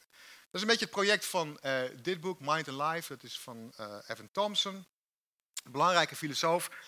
Um, ik heb het erbij gezet omdat het gewoon een geweldig voorbeeld is. Het is een interessant boek, een heel eh, invloedrijk boek ook. Het is een, een goed voorbeeld van, van, van deze tweede optie. Ehm, ik denk dat ik een heleboel vragen laat liggen en een heleboel dingen niet duidelijk uh, maakt. Dus ik ga het verder niet over uh, dit boek hebben, hebben, maar ik neem een iets andere richting. Um, ik denk dat als je het zo zegt, bezieling is een eigenschap van een levend, rationeel handelend, pratend, sociaal interagerend lichaam, dat een heleboel mensen nog twijfels hebben. Denken van ja, maar ja, maar is, is dat nou bezieling? Ja, hm. En dat komt, denk ik, doordat wij allemaal opgegroeid zijn met die Platoonse intuïtie. Dus je kunt denken, oké, hier heb ik een wezen, een, mens bijvoorbeeld, of een robot, of een ander systeem, um, die lijkt te leven, in ieder geval iets wat erop lijkt. Uh, die lijkt rationeel te handelen, die praat, die kan goed sociaal met mij interageren, uh, maar heeft hij ook echt een mind? Heeft hij echt een mind? Dus niet, niet doet hij alsof, want dat is heel duidelijk, dat wezen kan heel goed doen alsof, maar is het ook echt een mind? Die vraag hebben de meeste mensen bij deze tweede opties. De, de, de, de, het wantrouwen, zal ik maar zeggen, tussen deze, deze tweede optie. Het wantrouwen om die immateriële ziel los te laten en over te gaan naar zo'n begrip als bezieling. Dat wantrouwen komt eruit voort dat we eigenlijk allemaal stiekem denken van ja, maar zit er echt wel iets achter? Dat is, en dat is denk ik de hamvraag. Hè? Dus hoe weten we zeker dat een levend, handelend, pratend, sociaal interagerend wezen echt een mind heeft? Projecteren wij dat dan niet op? En dat is dat in, een heleboel, in een heleboel filosofische discussies over deze tweede optie, en met name over, over, uh, over, de positie van Daniel Dennett, daar ga ik verder weinig. Uh, nou, misschien ga ik er ooit over zeggen. Nee. die, die, Dennis moet helaas even overstaan. Um, maar met name in de discussie. Dennis is typisch iemand die deze optie verdedigt. En dit is altijd de handvraag: van ja, maar zit je niet te smokkelen? Is, heb je het niet over wat wezens tot soort van hele goede doen als offers maakt? En hoe maken wij het verschil? En het idee is natuurlijk altijd erachter, die intuïtie die erachter zit, is van ja, maar de ziel als immateriële substantie is echt iets anders dan het lichaam. En je kunt je dus altijd afvragen, ja, zit hij er wel of zit hij er niet? Uh, en wat ik wil proberen te doen, en ik weet zeker dat ik daar niet in slaag, uh, maar ik ga het toch proberen omdat ik denk dat het heel belangrijk is. Wat ik wil proberen te doen, is langzamerhand in ieder geval een soort van uh, twijfel zaaien aan het idee dat deze intuïtie heel belangrijk is. Dat dit echt over een serieuze vraag gaat. Um, en dat wilde ik eerst doen door te beginnen met Daniel Dennett, want die heeft allemaal hele leuke verhalen. Misschien dat we daar nog op, terugkomen, maar um, ik denk dat dat nu niet... Uh, ik heb nog 20 minuten? Ja, vijf minuten geleden. Ja, nee. Oké. Ik sla Dennett over en ik ga meteen naar deze film. Ik, uh, wie heeft deze film gezien? Ex Machina. Oh, veel te weinig mensen. Oké. Uh, ja, heel vet. Inderdaad, heel, dat, ik vat het even samen. Heel vet. Hele vette film. Um, ik, ik, heb uh, een probleem nu met het uitleggen van deze film, want er zit een, uh, u moet hem allemaal namelijk gaan zien. En uh, er zit een hele leuke clue aan het einde. En die zou ik heel goed in mijn verhaal kunnen gebruiken. Maar ik zal geen spoiler eh, geven. Dus ik, ik, kan dat punt niet gebruiken. Andere punten wel. Um, de film gaat over een robot. Dit is die robot. Eva heet ze. Ava dus. Um, in het Engels. En zij is een robot. Gewoon duidelijk. Machine. Klaar. Materieel ding Helemaal geen, uh, dus, dus dat verhaal over leven, dat moet u even in de kast stoppen, komt zo meteen terug. Ik wil niks over artificiële intelligentie zeggen. Deze film gaat er wel over. Maar deze film gaat er vooral over hoe wij bezieling zien. Hoe wij dat zien in een systeem. En waar dat door komt. Dus uh, ik weet niet of u gehoord heeft van de Turing-test. De Turing-test is een, is heel kort voor, ik denk iedereen knikt, maar er zijn natuurlijk altijd mensen die niet knikken. Um, uh, Turing-test is een test om te bepalen of machines, eh, kunstmatige machines, of die uh, intelligent zijn. En het idee is dan als je er zo mee kunt interageren dat je als mens het verschil niet meer kan maken tussen een mens en een machine, dan is de machine geslaagd en dan he heeft hij dus artificiële intelligentie. Dat is heel kort waar, waar, het, waar die test op neerkomt.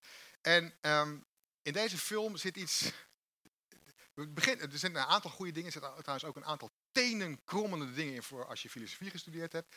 Uh, maar dat laat ik. Maar tegelijk, en de dingen die echt filosofisch goed zijn, die worden dan heel, helemaal niet aangezet. Er zijn een aantal hele goede filosofische dingen. En één daarvan is dat, deze, dat, er, dat er een twist zit aan die Turing-test. Dus normaliter bij, bij de Turing-test weet je niet, en dan, dan, dan ben je aan het converseren met een computer of met een mens via een scherm, en dan weet je niet welke welke is. En hierbij gaat het erom, je weet gewoon dat zij een machine is. Je weet dat zij een computer is. En is het ondanks dat feit toch nog zo dat je gaat zien of, zij, of dat je gaat denken dat zij bezield is. Ehm, dat is de vraag. Dus dat is al een, een geniaal soort van, van twist die gegeven wordt aan die Turing-test. Die Turing-test die komt uit 1950. En in die tijd was, denk ik, het, was het hele concept van artificiële intelligentie niet, niet denkbaar. Eh, het concept van de ziel leefde, eh, immateriële ziel leefde misschien meer dan eh, nu het geval is. Dus dit is een soort van moderne update daarvan. Dus de vraag is, dat je kunt gewoon zien dat zij een machine is. En is het toch zo dat je denkt dat zij bezield is. Dus dit is echt een, een hele mooie twist aan die Turing-test die in de film gegeven wordt. Er zijn twee andere goede dingen in en één slecht ding. En van die goede dingen kan ik er maar één noemen, omdat anders geef ik de plot weg. En die is echt wel heel leuk aan het einde. Dus, eh, het- dat, is, dat is een soort van, er gebeurt echt iets heel leuks aan het einde. Het is echt, echt geniaal. Eh, maar ik, ik moet mezelf dus beletten om daar iets over te zeggen. Ehm, dat andere goede ding uit de film, en ik denk dat dat misschien wel het meest cruciaal is, is dat alles erom draait dat het toeschrijven van zo'n mind alles heeft te maken met sociale interactie. Maar dan ook werkelijk alles. Dus als je kijkt naar, daarom wil ik Dennett eigenlijk behandelen. Dennett is een van de grootste voorstanders van het idee dat of wezens bezield zijn, ja of nee, te maken heeft met hoe wij, hoe ze op ons overkomen. En daar heeft hij hele goede argumenten voor, en ook sommige niet zo heel erg goed.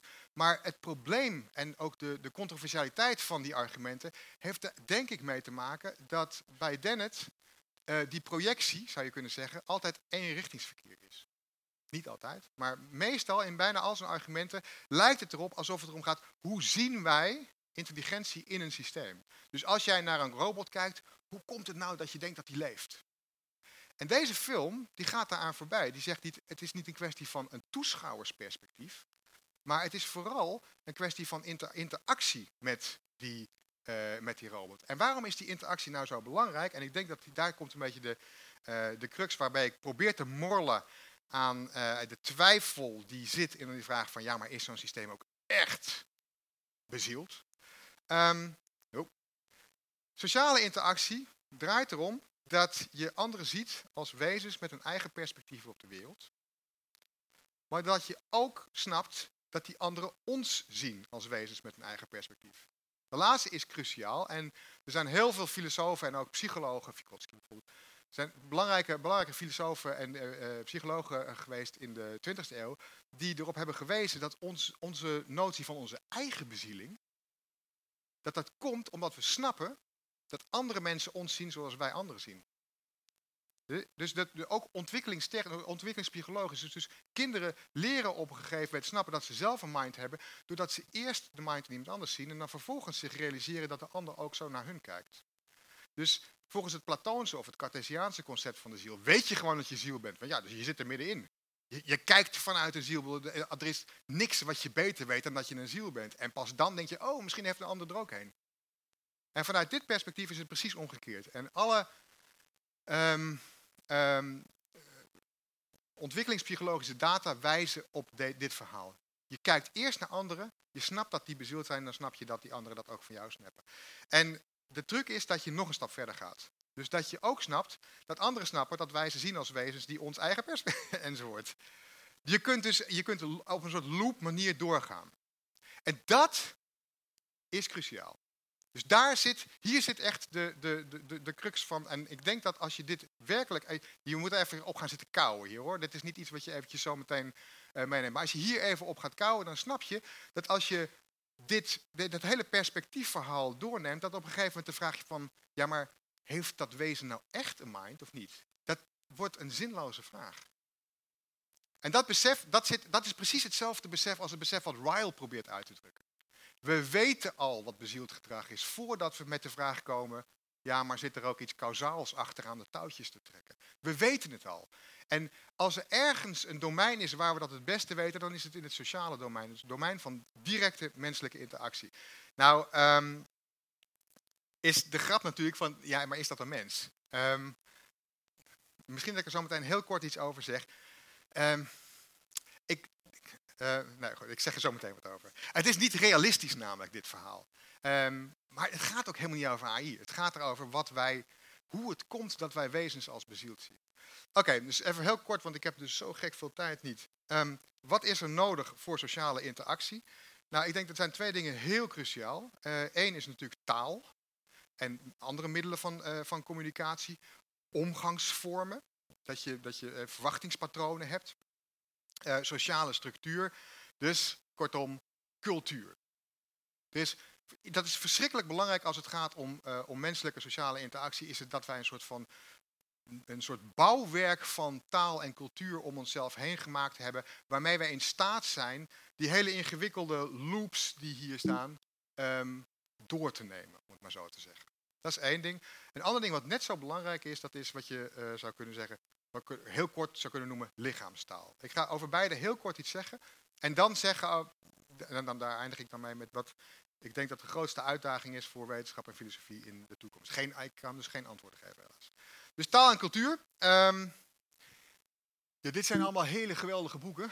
Um, die kan, ze zijn wel heel lastig te lezen hoor. Dit is een boek wat uitlegt hoe, um, uh, hoe uh, taal en cultuur evolutionair gezien uh, ontstaat.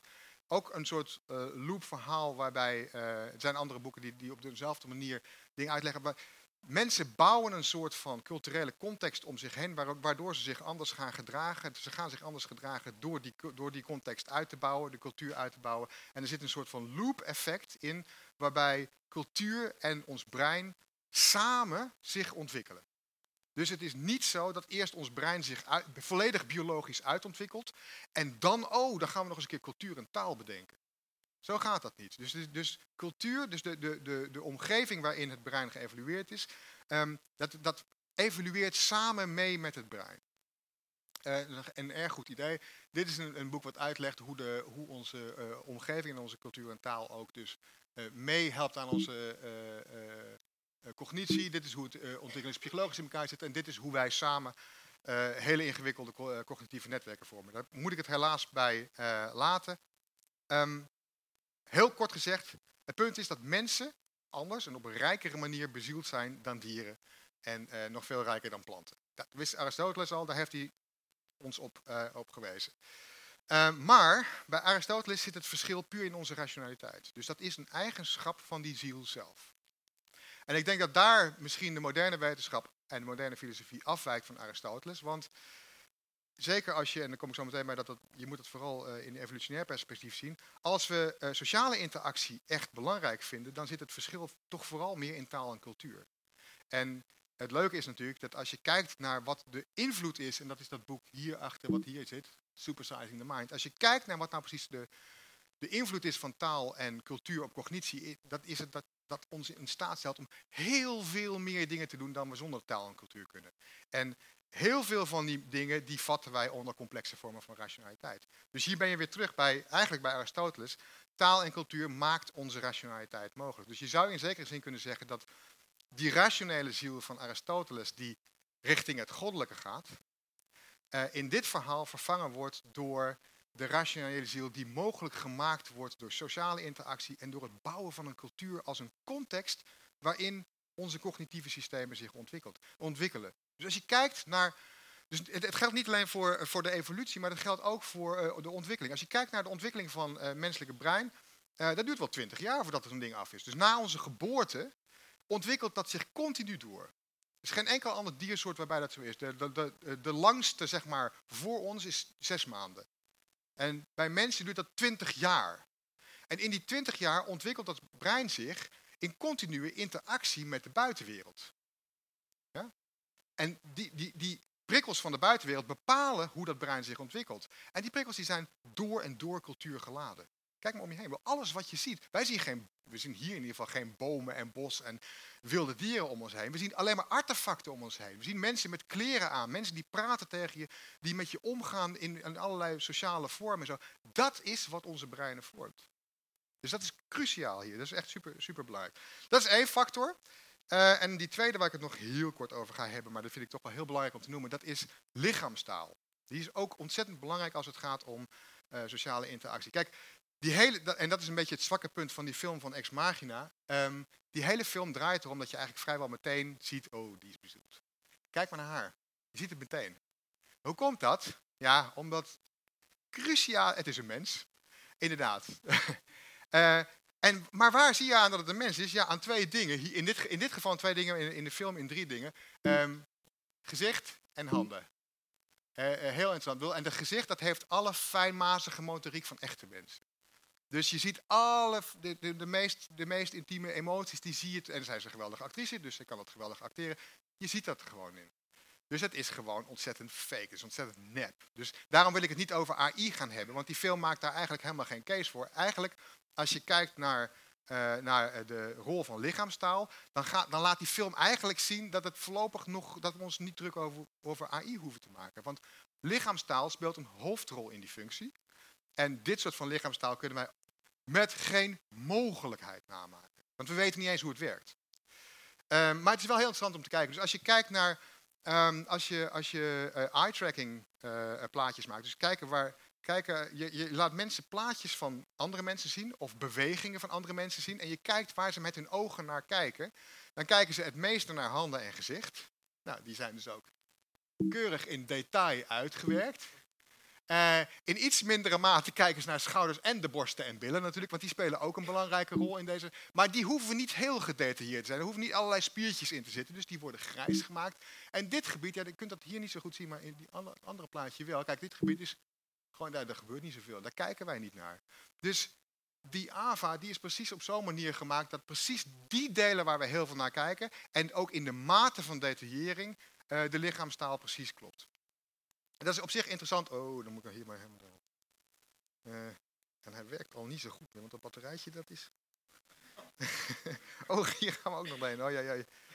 Hebben we nog een ander knopje? Of, oh, ja, we zijn er. Kijk, uh, die lichaamstaal is zo belangrijk omdat die, die bezieling, die laat, die laat je die, die bezieling op een hele directe manier ervaren. En dat zie je bij AVA ook. Um, om kort te gaan, we moeten het heel, even heel kort houden. Um, wat extreem belangrijk is, is dat je die lichaamsreacties, dus die, die, die, die reacties van gelaatsuitdrukkingen, stemintonaties, um, gebaren, uh, lichaamshoudingen, dat je die reactie ook direct ziet als reactie op datgene wat jij laat zien. Dus wat die, in dit geval die, die hoofdpersoon laat zien aan die AVA, daar reageert zij direct op. Zowel op zijn uh, gelaatsuitdrukkingen en stemintonatie, als op de inhoud van wat hij zegt. Dus je krijgt, en dat daar moet ik het hierbij uh, houden, maar je krijgt een hele complexe interactie tussen die twee componenten van wat sociale interactie mogelijk maakt. Dus de boodschap is hier, sociale interactie laat ons elkaar zien als bezielde wezens. En als je heel goed nadenkt over wat sociale interactie precies betekent, dan verdwijnt die vraag naar, ja, maar is het echt bezield of niet? Um, en die sociale interactie die bestaat uit twee componenten, taal, cultuur en uh, omgangsvorm aan de ene kant, lichaamstaal aan de andere kant. En die zijn op een ongelooflijk ingewikkelde manier met elkaar verbonden. Dus zodra je iets zegt, kan iemand met een glaatsuitdrukking reageren en je snapt meteen hoe het zit. Dus dat is een heel complex netwerk van hoe die dingen met elkaar uh, uh, verbonden zijn. En dat complexe netwerk, dat zorgt ervoor dat we elkaar als bezield zien.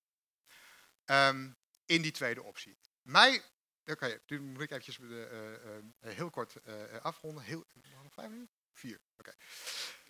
Um, mijn vraag was, wat moet hedendaagse filosofie en wetenschap nog met de ziel? Nou ja, een beetje, dit is een beetje waar ik voor heb proberen te pleiten. Dus de wetenschappelijke en de filosofische vraag van nu is hoe wij belichaamde sociale cognitie, dus die lichaamstaal, en taal en cultuur aan elkaar kunnen knopen. En dat wordt op dit moment, dat, zijn vragen die op dit moment in de filosofie, in de wetenschap, in de neurowetenschap ook, in de cognitiewetenschap ook uh, een uh, rol spelen. En uh, eigenlijk is bijna iedereen er wel van overtuigd van als je een antwoord wil vinden op deze vraag, dan moet je terug naar hoe het ooit zo gekomen is. Dus uh, Calarita die noemde het al. De vraag is eigenlijk, ja, maar waar is die ziel dan ooit ontstaan? Nou, er is niet één punt aan te wijzen, maar we weten wel dat deze twee factoren, dus elkaars lichaamstaal kunnen lezen, elkaar kunnen snappen in termen, in termen van onze lichamelijke bewegingen, uh, daar intenties uit kunnen lezen, dat dat heel belangrijk is. En dat uiteindelijk het vormen van cultuur heel erg belangrijk is, waardoor onze breinen zich zijn kunnen gaan ontwikkelen op de manier waarop, we dat, uh, waarop dat uiteindelijk gebeurd is. Dus de vraag is, als je nou vanuit evolutionair perspectief kijkt, hoe, wat is precies de interactie geweest tussen lichamelijke sociale cognitie enerzijds um, en taal en cultuur anderzijds? En daar zitten nog heel veel andere factoren bij, van hoe zijn wij leren, gaan leren samenwerken bijvoorbeeld. Um, dat reken ik nu eventjes tot de, tot de sociale cognitie. Dat is de uitdaging van uh, wetenschap en filosofie uh, op dit moment. En het kijken naar die evolutie wil dit soort plaatjes zelfs helpen. Dat, die plaatjes waarbij je, waarbij je de gewoon oermensen, dit, zijn, dit is toevallig de Peking mensen, dat maakt helemaal niet uit. Um, maar deze Peking mensen die zijn, uh, die zijn uh, volop met elkaar bezig en die zijn van alles aan het doen. Um, waarschijnlijk zo'n beetje halftalig, half niet-talig. Er zitten allerlei lichamelijke, sociale cognitie die, daar, die daar een rol speelt. Hier gebeurt het. Als we willen weten hoe onze bezieling tot stand is gekomen, ik denk, dan moeten we daar naar kijken. Natuurlijk is dat moeilijk, want het blijft speculatie. Um, maar ik denk dat als we, de, als we wetenschappelijk gezien de vraag willen stellen, en dat was mijn opdracht, wat moeten we met de ziel, dan moeten we daar gaan, uh, daar, hier gaan zoeken bij de evolutietheorie. Dat is het verhaal.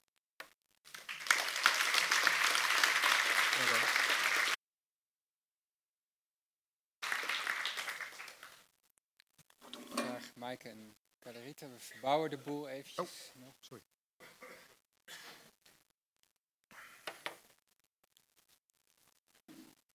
Komt nog een stoel bij. Dus, uh, Ga jij? Uh... Ja, dankjewel. Um, ik ga zo uh, reacties aan jullie vragen. We komen ook nog aan vragen van, ehm, van jullie toe aan het eind, als het, als het goed is. Um, heel veel vragen, maar mijn eerste vraag is, is misschien wel... je hebt een paar keer in je eigen verhaal, had je het over mind...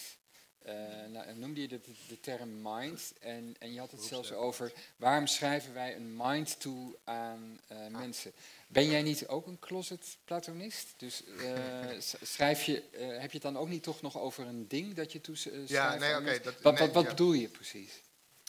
Um, mind is wat mij betreft. Dit, oh, ik, ik, was me niet eens bewust van het feit dat ik dat, dat vertelde. Mijn vak heet Philosophy of Mind. En het begrip mind in het Engels is zo ontzettend prettig, omdat je je daarmee niet hoeft te committeren aan het bestaan van de immateriële ziel. Of dat je, je hoeft eigenlijk überhaupt niks, je, nergens aan te committeren. Je zegt gewoon, ik heb het over een verzamelterm voor al onze psychologische uh, uh, vermogens. Uh, dus het is een paraplu-term. Dus, dus, we noemen het unmind, maar je moet het eigenlijk vooral niet als een zelfstandig naamwoord zien. Ja. ja.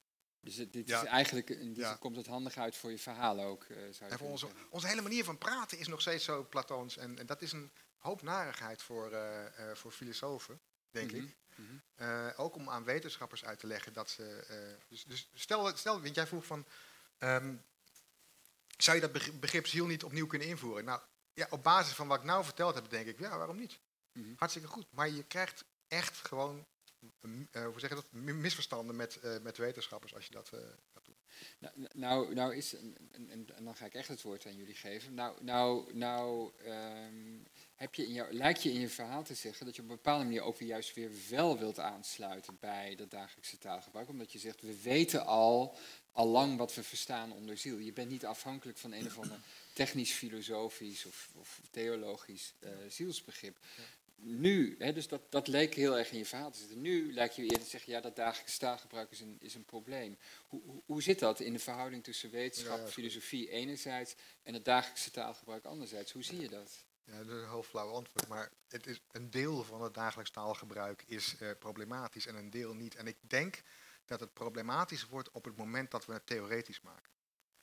Uh, dus ik denk dat, dat de meeste mensen totaal geen moeite hebben met het, met, met het, het, gebruiken van woorden als uh, jij gelooft dat en je wilt dat en je denkt dat. En allemaal van dat soort mentaliteit hebben, niks aan de hand. Maar zodra je gaat vragen van, ja maar waar zit die gedachte, dan komen mensen, die, mensen hebben allerlei theorieën daarover. Dus het is helemaal niet zo dat, dat, dat mensen dan met een mond vol tanden staan. Integendeel. Mm -hmm. Maar daar, daar, daar komen de problemen denk ik. Mm -hmm. Op het moment dat je gaat doorvragen, ja bedoel je dan, dan wordt het, uh, dan wordt het moeilijk. En dat is eigenlijk ook iets wat uh, waar Ryle ook al op, op heeft gewezen. Hij zegt van wij, hebben een soort van theorie zitten in die taal, of wij denken dat er een theorie achter zit. Dus een andere filosoof, um, uh, J.J.C. Smart, in het overleden, um, die maakte een soortgelijk punt. Die zegt mentalistische taal is zoals hij het noemt topic neutral.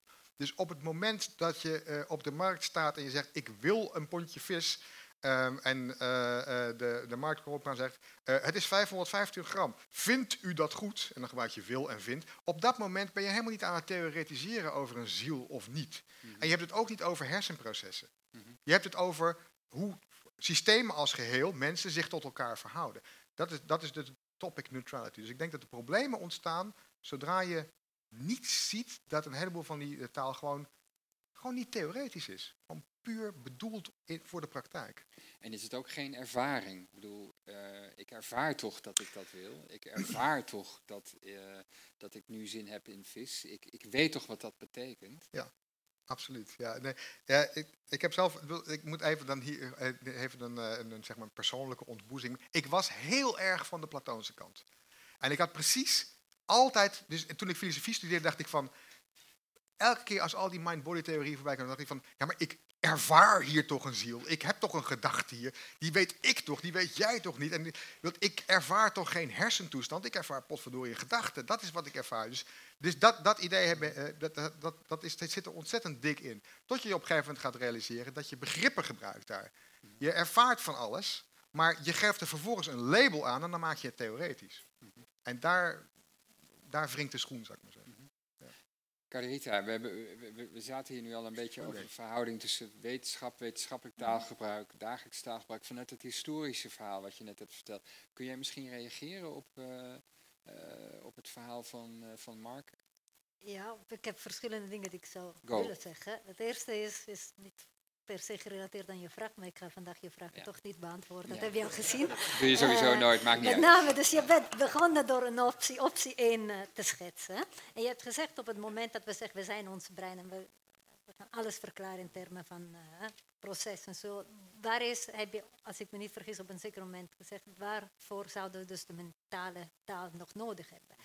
En toen je dan dus die Dennett en uh, en Raad heeft gepresenteerd, heb je gezegd, zij zeggen inderdaad dus dat de zielstaal niet een, uh, uh, bedoeld is als oorzakelijke verklaring, maar heeft een sociale functie. Maar wat ik dus niet begrijp is waarom deze twee dingen niet met elkaar compatibel zijn. Op het moment dat we zeggen, oké, we hebben dus alle breinprocessen geïdentificeerd, dan blijven we toch die zielstaal gebruiken om dus de sociale interactie te verklaren. Dus waarom kunnen we niet zeggen, dus het verhaal van dus we zijn ons brein is de causale verklaring en de andere is een beschrijving eigenlijk van onze sociale interactie. Ik heb niet begrepen waarom dus die twee niet komt. Oké, ja, dat is een hele goede vraag. Ik moet, ik moet, heb ik gegeven?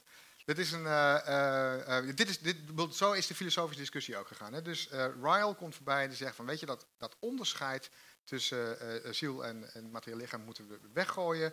Um, de relatie tussen mentale taal en gedrag is een begripsmatige relatie. Het is een, het is een manier om bepaald gedrag intelligent te noemen. Dat is gewoon een, een, een soort van categorisering. We categoriseren bepaald gedrag onder het kopje intelligent. En dit soort van gedrag, dat noemen we willen. En dat gedrag, dat noemen we uh, denken en et cetera.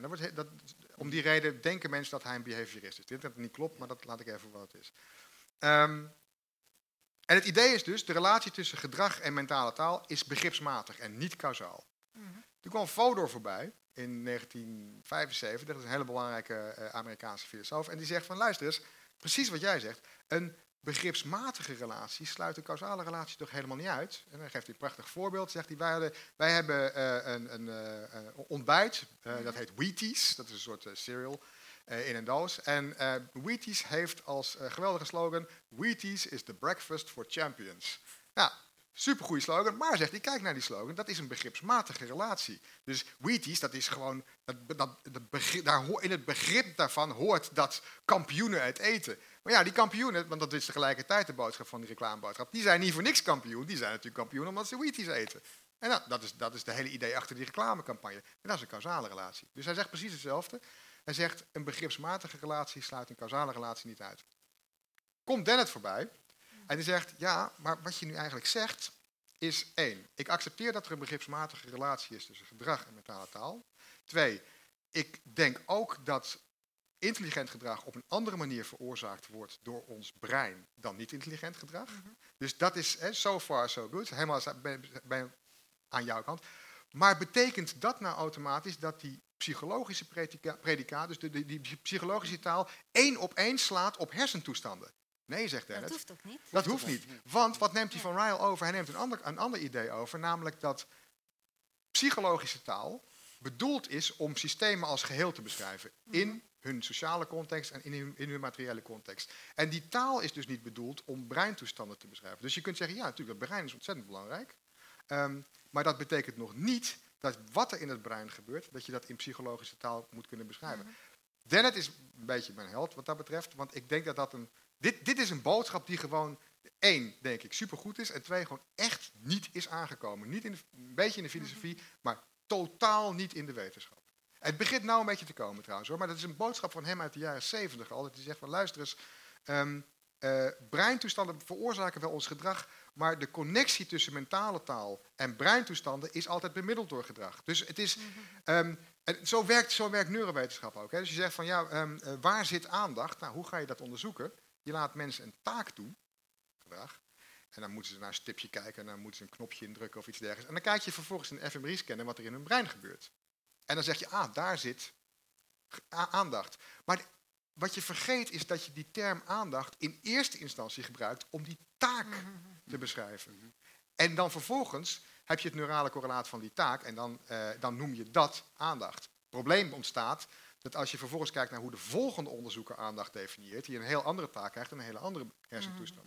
Dus die rommel, en eh, wat dat betreft is de neurowetenschap op dit moment echt een rommel, die kun je opruimen door, denk ik, Dennett's, Dennett's houding Mhm. eh, over te nemen. Dus ik, ik denk inderdaad, het brein is wel heel erg belangrijk, maar het is niet de materiële versie van de ziel.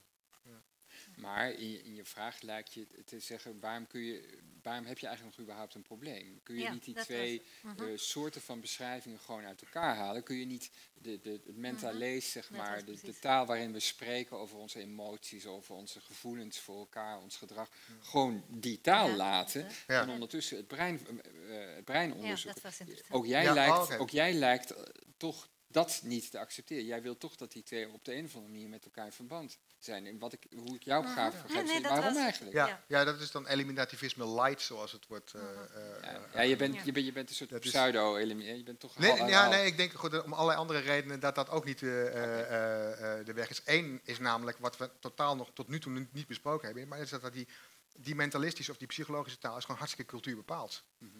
Ik bedoel, ga maar eens even kijken, ga maar eens, ga maar eens vragen in het Midden-Oosten of er vrije wil bestaat. Dat- Er zijn geluksonderzoekers, die gaan, die, er wordt geluksonderzoek gedaan met, met zogenaamde experience sampling. En dan krijgen mensen die krijgen een, eh, een piepje op en dan moeten ze op dat moment moeten ze opschrijven oh, hoe gelukkig ze zich voelen op een schaal van 1 tot 10. Dat hebben ze ook in China geprobeerd, maar het probleem was dat ze begrepen de vraag niet.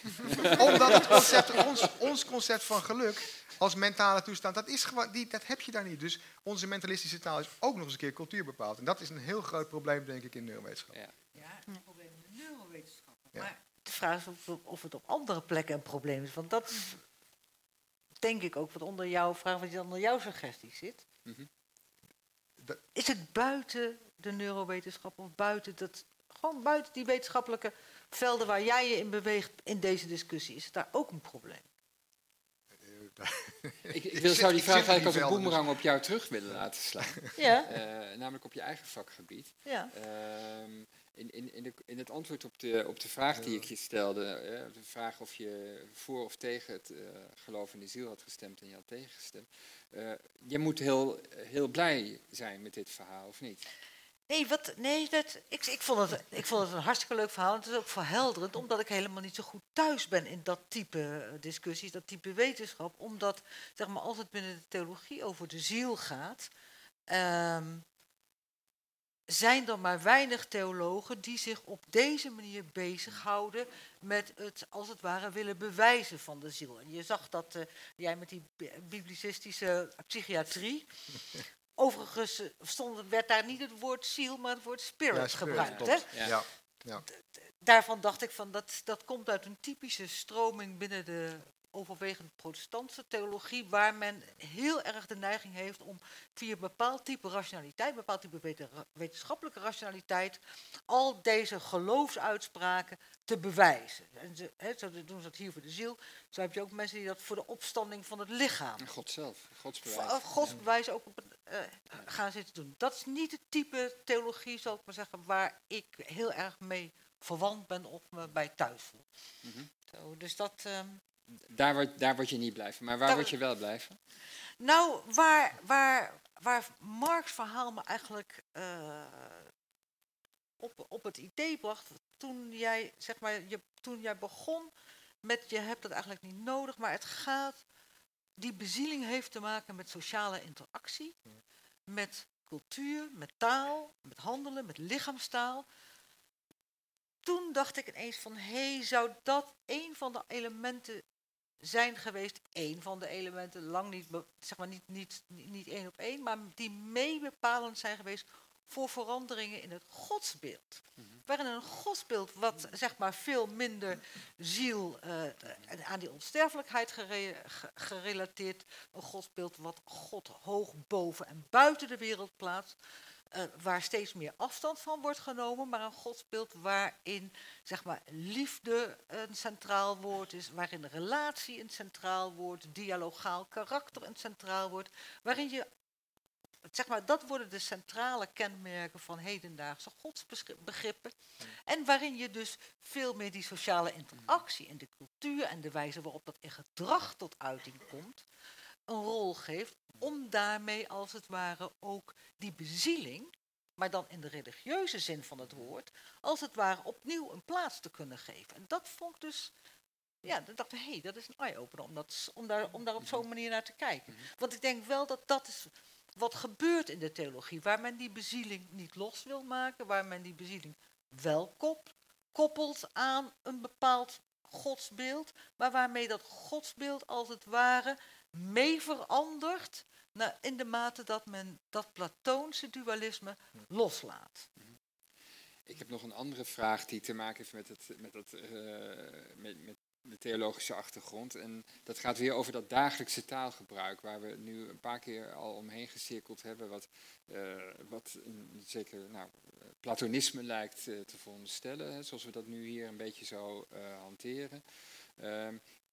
Ehm, moet je dat eigenlijk wel zo noemen? Of moet je, moet je niet zeggen dat ons dagelijks taalgebruik, ook al leven misschien in, uh, na Noord-Korea het meest geseculariseerde land uh, ter wereld, um, uh, nog steeds in ons dagelijks taalgebruik in feite een religieus taalgebruik. Dus als we het over ziel hebben, dat die, dat die connotatie nog steeds meebeweegt en dat dat problemen oplevert als je een soort van beschrijving van, van laten we zeggen, zielsprocessen, wat dat ook kunnen zijn, zou willen geven zoals de wetenschap dat doet. Gaat het hier niet zozeer over platonisme, maar gaat het niet veel meer over in, de, in ons geval dus christelijk uh, geloof. Ik weet niet, een van jullie, kan dingen bedenken. Als eerst, eh, wat je zegt klopt zeker, maar dat klopt ook op andere gebieden. Dus ik denk dat taal heeft een zekere inertie ten opzichte dus van de wetenschap. Dus we blijven zeggen de zon gaat onder. Ja. We weten allemaal natuurlijk dat de aarde om de zon draait, maar dat zullen we altijd blijven zeggen.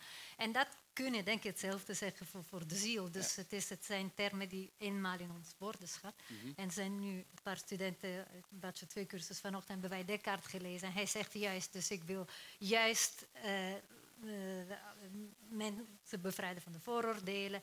Uh, ik heb een boek in het Latijn dus geschreven, want ik wil niet dat iedereen dat leest. En uh, hij wil juist dus van alles doen om afstand te nemen, ook van dagelijks taalgebruik. Ja. Maar aan het einde van de meditaties moet hij ook zeggen, ja, maar kijk, het feit dat we toch blijven spreken alsof lichaam en ziel echt nauw met elkaar verbonden is, heeft ook een functie, wat dat helpt onze overleving. Dus zelfs Descartes, die alles wil doen behalve een common sense filosoof zijn, moet uiteindelijk toch toegeven dat de common sense, de dagelijks taalgebruik, toch een functie heeft en die ons helpt overleven. Dus ik weet niet of dit een antwoord is. Uh, ja, ik weet, ja, zou jij daarop kunnen reageren? Ik? Ja? Ja, nou, ik ben, ik ben voor, voor, voor gedeelte met Calorite eens zo van dat, dat, dat dagelijks taalgebruik ook zeg maar, binnen de theologie van belang is. Al om om het begrip niet los te laten. Mm. Precies omdat het uh, sens geeft op een bepaalde mm. manier aan het leven. En inderdaad, het tot, kan tot een overlevingsstrategie leiden, mensen extra energie aanzetten, tot solidariteit aanzetten, precies die communicatieve kanten. Dus daar zitten wel degelijk um, overlevingsethische, uh, andere dimensies aan die daaraan ontleend kunnen worden. Mm -hmm. Dus dat vind ik een heel, dat is in de theologie een heel belangrijk element. En het andere is, denk ik, dat je toch ook ziet dat.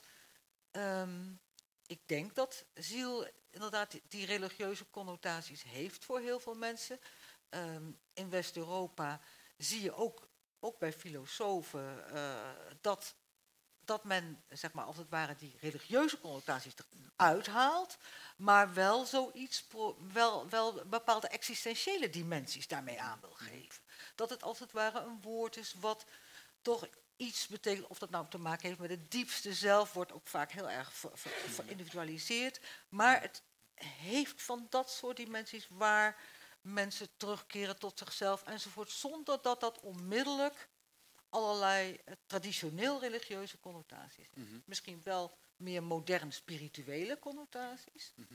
dat, dat denk ik wel. Dus dat dat weer zo spiritualiteit eh, om de hoek komt komen in, zijn, in zijnzelfde Mhm. vaagheid. Hè. Ik ben niet, ben niet religieus, maar wel spiritueel, Mhm. zal ik maar zeggen. Maar dus blijkbaar is het op de een of andere manier heel erg belangrijk om, om met die woorden iets tot uitdrukking te brengen. Is dat ook echt voor jou in, jou, in jouw vak? eh, dus waar je, waar je, eh, Mark, waar je veel technischer verhalen houdt dan, dan, hebben, dan wat je nu hebt eh, Mhm. eh, gehouden, waar de discussie eh, veel specifieker is en ook veel uh, gelieerd is aan wetenschap. Is dit, dit probleem van de dagelijkse taal, is dat een probleem dat je, dat je tegenkomt, waar je mee te maken hebt of waar Ja. je vindt dat het anders moet? Want ik zat al te denken aan be- bezieling is natuurlijk in die zin net zo'n geladen woord als, als ziel. Ik bedoel, Albert Heijn gebruikt het ook, maar dan met brood, zeg maar. Ehm, en, en, en, en, en, maar, maar, maar ik, Dat ik brood denk... koop ik ook. ja, dat brood koop je ook. Ehm, dat, dat, dat vind ik een slechte zaak, maar dat zullen we het straks nog over hebben. Andere. Ehm, maar, maar ehm, en, en, en, en ik denk dat het niet toevallig is dat ze het met brood doen, want hè, brood en wijn. En, nou, en, en, en, en, en, en, en dat heeft dus die connotatie van, van ja, ik zou zeggen net zo goed een religie. Het heeft, hè, bezieling kan je heel veel, je kunt ook met bezieling schaak spelen, et cetera. Maar heeft voor ons denk ik ook die, die innerlijke, mentale, if not religieuze eh, connotatie. Daar zat ik ook aan te denken. Maar Ja. is dat iets waar jij eh, tegenaan loopt in je, in je werk? Of denk je, eh, in mijn ballgame is zo'n andere, daar gebruik ik die dagelijkse taal ook helemaal niet? Nee, daar gebruik ik wel in. De- de- de- de- een, een heel groot deel van mijn werk gaat daar juist over. Om- Omdat ik gebruik het. Ik, ik hou mij dus bezig met, eh, met filosofische vragen over de menselijke geest. En die kun je tegenwoordig niet meer eh, bestuderen zonder naar de neurowetenschappen te kijken. Eh, daar kan dus een heleboel van mijn, en, en zeg maar niet de helft, maar wel een groot stuk van mijn werk gaat over van, wat zegt het neurowetenschappelijk onderzoek precies over zichzelf? Of over, over, eh, over hoe wij in elkaar zitten en hoe, over de mind, zeg maar zeggen. En ehm, wat je daar ziet, is dat een heleboel neurowetenschappen gewoon die taal nog wel overeind blijft. Dus aan de ene kant is er een soort heel erg eliminativistische houding van oh, we, hebben alles eruit geknikkerd, dus alleen maar brein. En vervolgens, als je, moet, moet, eens op Google eh, neural correlates of intypen. En dan krijg je gewoon neural correlates of. En dan krijg je een hele waslijst van onze folk psychology voorbij. Aandacht, eh, romantische liefde, nadenken. Alles, alles wat wij met de ziel en met de mind beoordelen, heeft wel een neurale correlatie. Met bewustzijn natuurlijk vooral. Hè. Bewust- Bewustzijn is heel erg, eh, heel erg belangrijk. Dus ik hou me daarmee bezig met van wat doet die taal precies in die wetenschap en, en op wat voor, welke rol eh, speelt hij erin. En, Mhm. eh, dat doe ik niet alleen, dat doe ik samen met neurowetenschappers zelf. Dus niet, niet, je, het is- altijd, je moet nooit als filosoof een beetje aan de buitenkant van een neurowetenschap gaan zetten met een vingertje van je fout. Eh, want dat gaat niet goed. Ehm, maar het is interessant om te zien dat neurowetenschappers zelf ook langzamerhand doorkrijgen dat, daar- dat daar iets moet gebeuren. Omdat het maakt die wetenschap ook heel erg ondoorzichtig. Mhm. Ja. En een ander, een ander ding wat denk ik ook nog wel interessant is om te noemen, is dat het ook mogelijk is dat wetenschap ons inzicht geeft in onszelf op een manier die wel praktisch toepasselijk kan zijn. En ik sluit niet uit dat op een gegeven moment wetenschap ook echt, echt kan bijdragen aan de verbetering en de verandering van onze folk psychology wat dat betreft. Voorbeeld?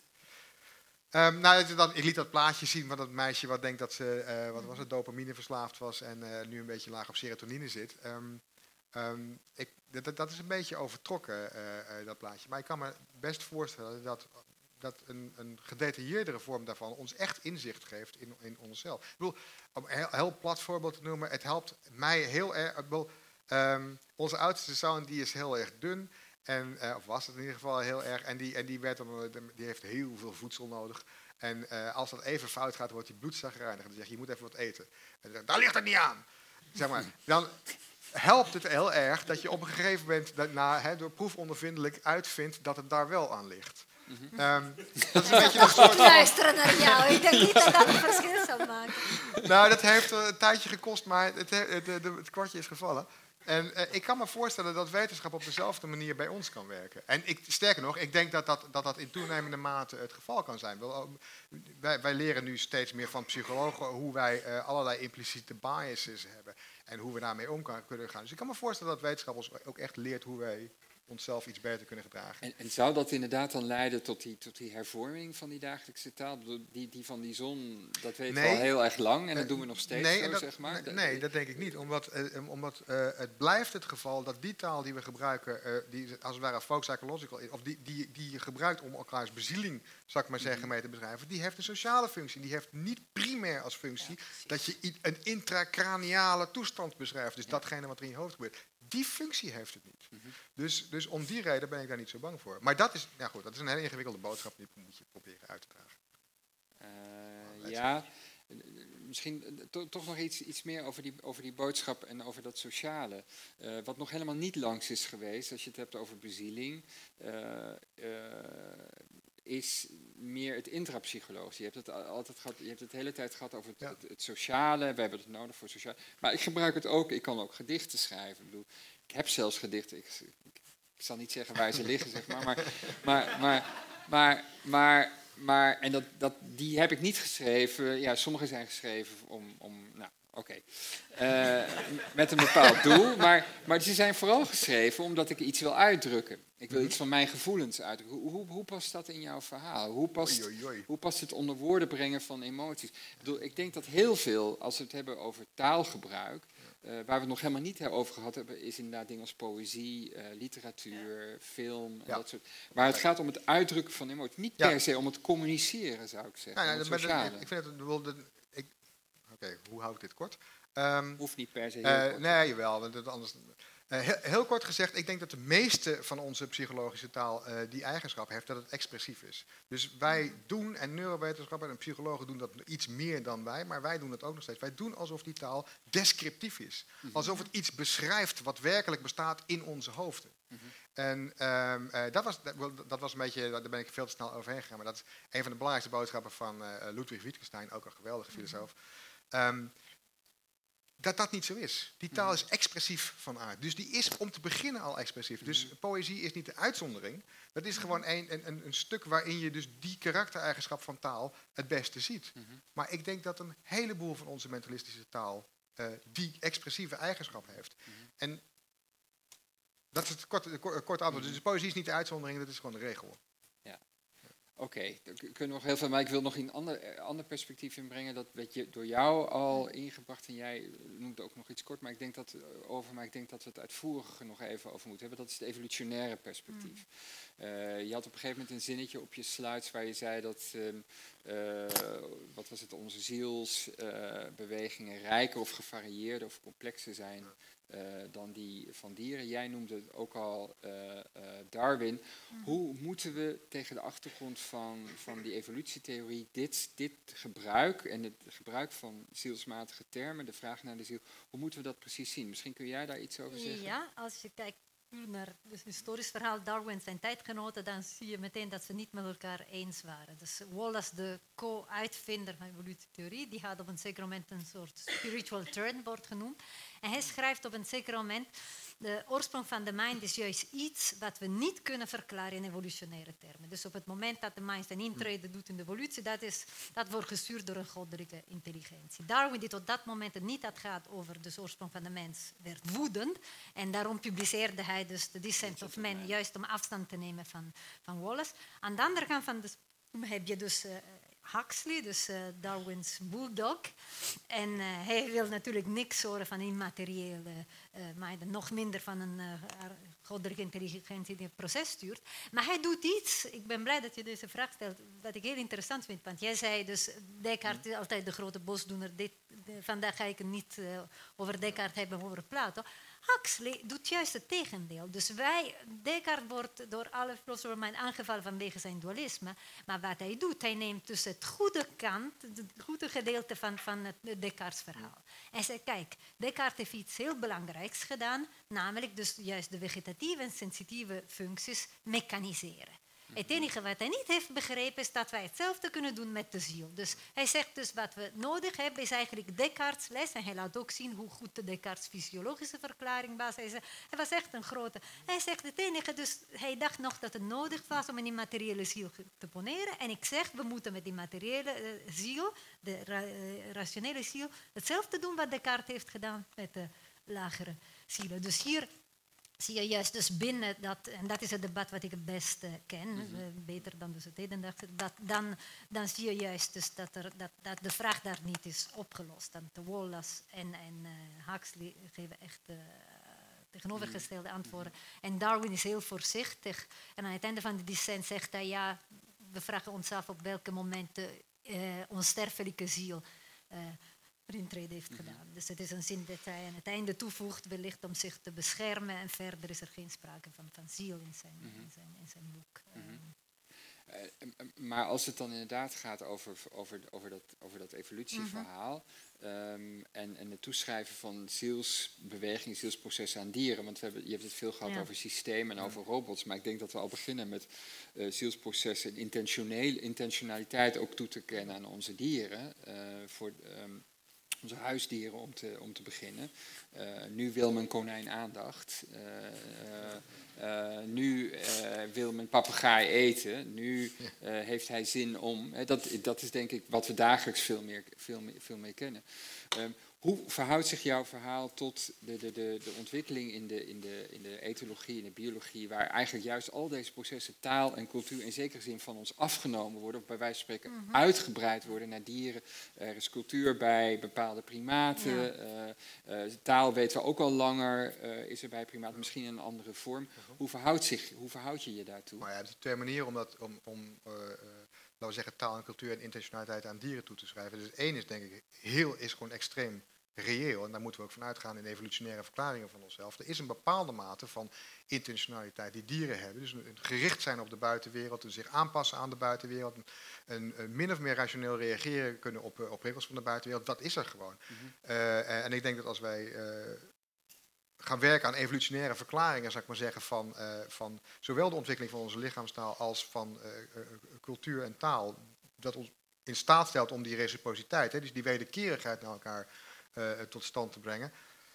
Eh, dan moeten we uitgaan van dat soort intentionaliteit. Dat is je startpunt, zou ik maar zeggen. En de vraag is dan, van, ja, hoe, hoe, hoe bouw je langzaam besef op van het feit dat... eh, dus hoe, hoe krijgen dieren eh, besef van het feit dat de andere ook intentioneel is? Dat is ook de manier... Dat, overigens is het onderzoek naar eh, menselijke sociale intelligentie ook op dat vlak begonnen in 1978. Eh, dus door eerst te kijken naar, eh naar chimpansees. Dus dat, ik, dat, daar lijkt me eh, niks mis in. Het gaat natuurlijk fout op het moment dat je, eh, nou ja, dat je veel te veel eh, menselijke eigenschappen aan je huisdieren toeschrijft. Wat natuurlijk in het dagelijks leven gewoon continu gebeurt. Ja, Voor mijn konijn is daar een uitzondering. ja nee, maar niet alleen, niet alleen, eh, en niet alleen dieren. We hadden vroeger een bibliothecaris in Utrecht hè, en die Ja. klopte altijd op haar computer zo. Ja. Dat- ja, Ja, nee, dat klopt. Dat hele af... Ja, klopt. Ja. Ja. Ja. Evolutietheorie. ehm, eh, om, om even terug te komen op dat punt wat jij zegt, moderne theologie, veel dialogaler, socialer, is eigenlijk, pa- past eigenlijk bij deze verhouding op een bepaalde manier. Eh, hoe verhoudt die zich tot dit verhaal, tot die evolutietheorie? Want eh, dat, dat, heeft het aangeduid, daar, daar, daar zitten grote problemen, of daar waren grote problemen in de 19e eeuw. Zijn die er nog steeds, of welke rol speelt dit in, in het huidige discours? geen grote rol. Maar binnen de huidige theo- theologie speelt het discours over de ziel überhaupt geen grote rol. Het begint een beetje terug te komen. Ik bedoel, vanuit die verlegenheid die ik in het begin schetste, was, werd er gewoon eigenlijk heel weinig over gesproken. Behalve in het dagelijks taalgebruik. Heel veel natuurlijk. Dus, daar wel, dus dat, dat niet. En je ziet het wat terugkomen, ehm, zeg maar dat, dat, dat hele evolutieverhaal, in een theologie van dieren. Bijvoorbeeld dus in, de, in, de, in de ecologische theologie, waar inderdaad ook die vragen. En dat wordt dan altijd ook onder het, onder, onder het woord, het begrip van de ziel gebracht. Dus daar, en daar wordt dan eigenlijk aangesloten bij die ontwikkelingen in de, in de evolutietheorie. En probeert men dat in de theologie in te werken. Hm, Daar zou mijn konijn het heel erg mee eens Daar zou jouw konijn heel gelukkig van worden. Ja, Ja. ja, ja. Eh, ik denk dat het tijd is om eh, eh, naar jullie vragen te gaan.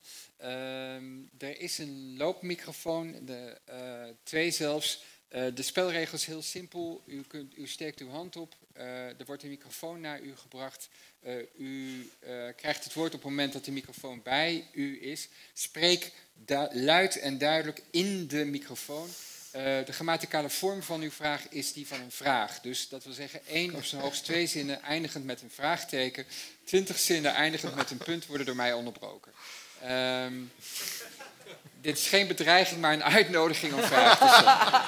Eh, maar het is vooral een uitnodiging om het kort te houden. Ik zag hier een eerste. Zag ik, klopt dat? Ja. Binnen die, die definitie kan ik wel iets verzinnen. Nee, vragen. Een vraagje. Wat is de rol van intuïtie in de hedendaagse filosofie? Kijk, dat is nou een goede vraag. Ik heb de Mark Slos een paar keer horen zeggen van...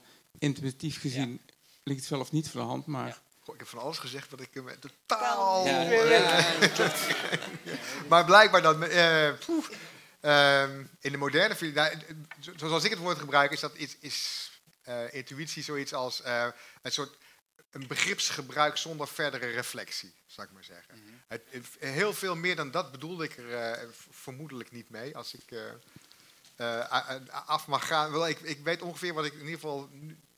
Ja, wat ik denk dat ik bedoelde. Ik denk dat ik zoiets bedoelde. Wat is de rol van intuïtie in, in, in de filosofie? Nou, eigenlijk niet veel meer dan dat. Dus dat, dat je eh, ehm, probeert na te gaan wat onbe- onbereflecteerd begripsgebruik, precies, hoe dat precies in elkaar zit.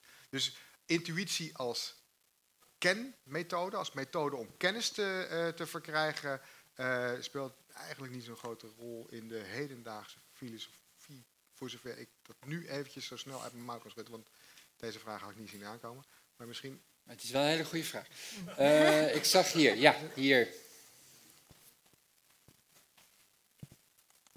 Oh, eh, ehm, misschien kan ik eh, jou helpen, Mark. Ehm, als je. Nou, d- dat is geen vraag eigenlijk. Ehm, wat is de vraag? Ja, Ik eh, heb nog com- steeds geen vraag gehoord. Comprehension without competence. Als je dat misschien verwerkt in je antwoord over intuïtie. Oké, dat, eh, dat is een, eh, dat is een, een, een- dat is een goede. Vraagteken. Dankjewel, eh Jesper. Eh, maar ook dat is geen kenmethode, zou ik zeggen. Maar ik, ja, Zag ik hier? Thanks. comprehension without. co-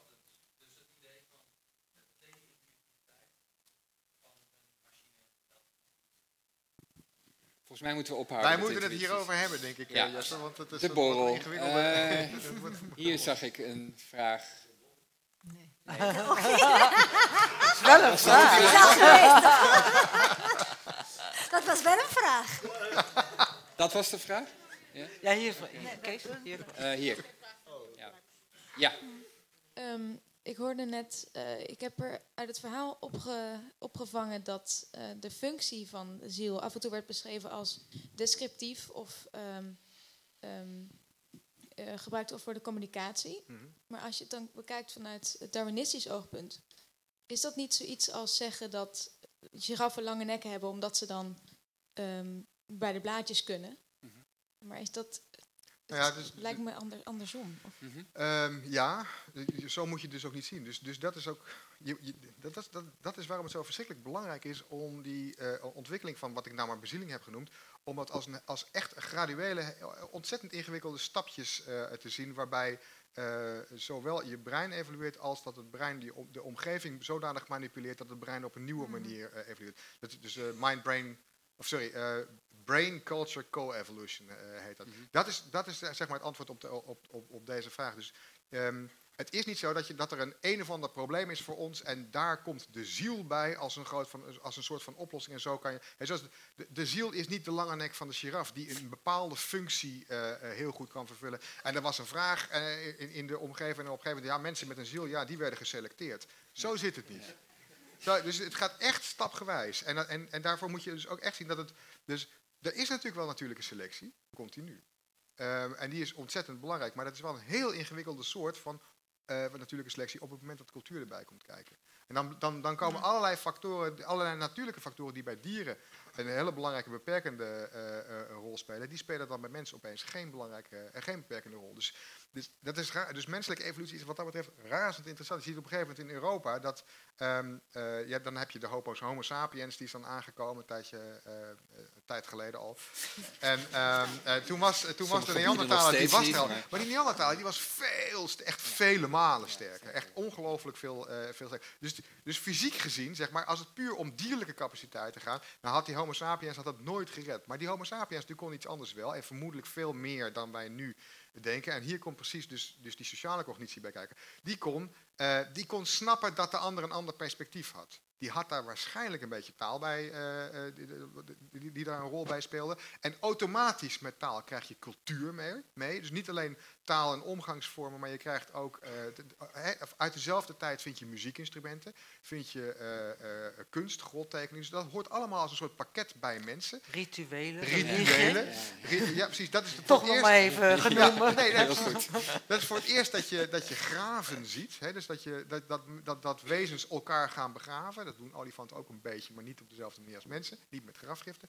Ehm, dus dat zie je allemaal tegelijkertijd komen. En blijkbaar heeft dat die mensen een gigantische voorsprong gegeven. Niet als individu. Dus niet, ik, niet, niet als een lange nek. Dus ik zeg, oké, anders gezegd. De lange nek van de mens is niet een eigenschap van één mens, maar is een eigenschap van mensen als groep bij elkaar. En ik denk een Cultuur. ander voorbeeld van mentale, de lichamelijke cultuur, co-evolutie. Je hebt geëindigd met een praatje met het vuur. Ja. Is het idee dat Ja, het koken van voedsel een invloed heeft gehad op lichamelijke en mentale evolutie. Want op het moment dat men voedsel is gaan koken, niet alleen moesten ze niet drie kwart van de dag zitten kauwen, dus ze hadden ook tijd voor andere activiteiten. maar toen is ook de kaak kleiner geworden. Door het feit dat de kaak kleiner is geworden, kon de brein groeien. Door het feit dat de brein kon groeien, kon het dus eh, eh, het brein. En, eh, en dat is dus een typisch voorbeeld van co-evolutie. Dus een cultureel fenomeen, ontdekking van het vuur, heeft een invloed gehad op de lichamelijke evolutie. Lichamelijke evolutie natuurlijk heeft ook mentale evolutie beïnvloed. Ja, dus en het dat heeft ook een weer heel complex culturele... proces. ja. Ja. Ik zag, er was hier een vraag. Ja. Ehm, taalhistorisch gezien, waar komt het woord ziel vandaan? Ai. Ik kan het, dus psychologie kan het niet voor het Nederlands zeggen. Dus voor het Grieks heb je psyche. En dat is dus waar het woord psychologie, dus de wetenschap van de ziel, komt. In het Latijn heb je anima. Eh, misschien Stevin, bij jullie Stevin, diegene die al die nieuwe woorden heeft. Ziel. Ja, nee, ik weet dat het is niet. volgens mij gewoon zelen. Hebreeuws is denk ik een belangrijk Ja, punt. geen woord voor ziel, maar wordt vaak het woord ruach. Ja. als, als, als, en dat is dan adem, geest. Mhm. Maar het interessante dat is, is dus dat dat niet per se meteen een immateriële ziel Nee, betekent zoals wij. Hè? Dus waar, waar ze zegt dat is niet, niet bijbels, dat, ja, er is dat woord ruach, maar dat lijkt materieel, immaterieel, dat loopt dwars door Door elkaar. elkaar heen. Dus- Ja. ja. En, en dat is denk ik wel een belangrijk gegeven. Het is wel een belangrijk, eh, belangrijk punt. Ja? Sorry, ik hoor ergens.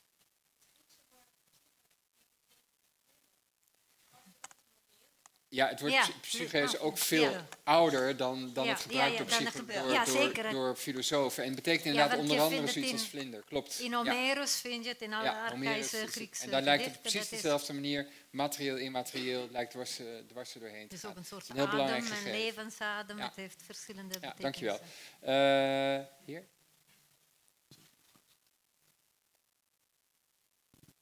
Ja, ik heb het even heel snel opgezocht. Eh, ziel komt uit het eh, Proto-Germaans. en eh, dat klinkt iets als Sayualo. En het is via onder meer het Gotisch en het Duits in het eh, Nederlands terechtgekomen. Lang leven wifi, lang leven Wikipedia. Ja. Eh, nog een vraag hiervoor? Je kunt het meteen doorgeven. Ehm, ja, hebt u ook wel eens gehoord van de ziel als niets, de spirituele theorie, dat je dus een soort leeg filmdoek bent waarop alle ervaringen voorbij trekken, zodat Lijkt je bij spreken ook het universum kunt begrijpen vanuit zo'n soort ziel. Mhm. Lijkt me een vraag voor Mike. Niet precies in die bewoordingen heb ik ervan gehoord, maar je komt eh, zeg maar in de geschiedenis van de filosofie en de theologie en in bepaalde spiritualiteitstradities eh, beelden tegen van dat de mensen zich als het ware eerst helemaal leeg moet maken. En dan krijg je dat lege filmscherm, opdat daar als het ware de indrukken van het universum of de indruk van God in de mens kan komen. Zeg maar als, zeg maar als bij meester Eckhart eh, God het vonkje in de ziel wordt genoemd, dan roept Eckhart eerst daarvoor op dat de mensen zich dan ook eerst helemaal leeg moeten maken, opdat die ziel kan komen. Dat zijn allemaal manieren eigenlijk om, ehm, en die, die, die kom je in allerlei soorten verwoordingen tegen, om iets aan te geven van wat in die christelijke traditie van belang wordt geacht, namelijk dat je als het ware je individuele ik, ego, je, je dikke ik, zeggen we dan tegenwoordig, los moet laten om open te staan, om, om werkelijk sociale contacten aan te gaan, om werkelijk een spirituele relatie met God of met, met het goddelijke aan te kunnen gaan. Dus daar is, dat het beeld voor, ja. Dankjewel. Eh hier en dan daar. Vanuit de psychologie kennen we de Terror Management Theory. Die eh, postuleert dat eigenlijk al ons gedrag te maken heeft met eh, een reactie op doodsangst. We zijn voortdurend bezig met eh, de angst om uiteindelijk eh, in het niets te verdwijnen. Mhm. Ehm, en vanuit die theorie eh, wordt ziel gezien als een, eh, de, functie hebbend van op de een of andere manier onze terror in het oog van onze dood. ehm, ja, laten we zeggen, te handelen zoals in die functie. Ik zou graag u- uw commentaar erop willen. Wie? Ja, die, die hele onsterfelijkheid van de ziel is eigenlijk nauwelijks ter sprake gekomen. Ja, wat Nee. ik, ik heb een net buitengewoon slechte boodschap gebracht voor eh, mensen die die theorie aanhouden. En, eh, het- ik, ik denk het enige, ik, denk eigenlijk dat, dat, nou ja, kijk, alles, alles, bijna alles wat van waarde is aan die ziel, dat kunnen we behouden. Dus het is helemaal Behalve niet, de onsterfelijkheid. Behalve die onsterfelijkheid. Dat, dat is de narigheid van dit eh, verhaal wat we tot, tot nu gehouden. Ik weet niet hoe erg dat is, maar voor terror management is het dus waarschijnlijk niet zo goed. Denk ik. Zou ik, dat, ik heb daar niets, niks meer op te zeggen dan dat, maar het lijkt me inderdaad dat.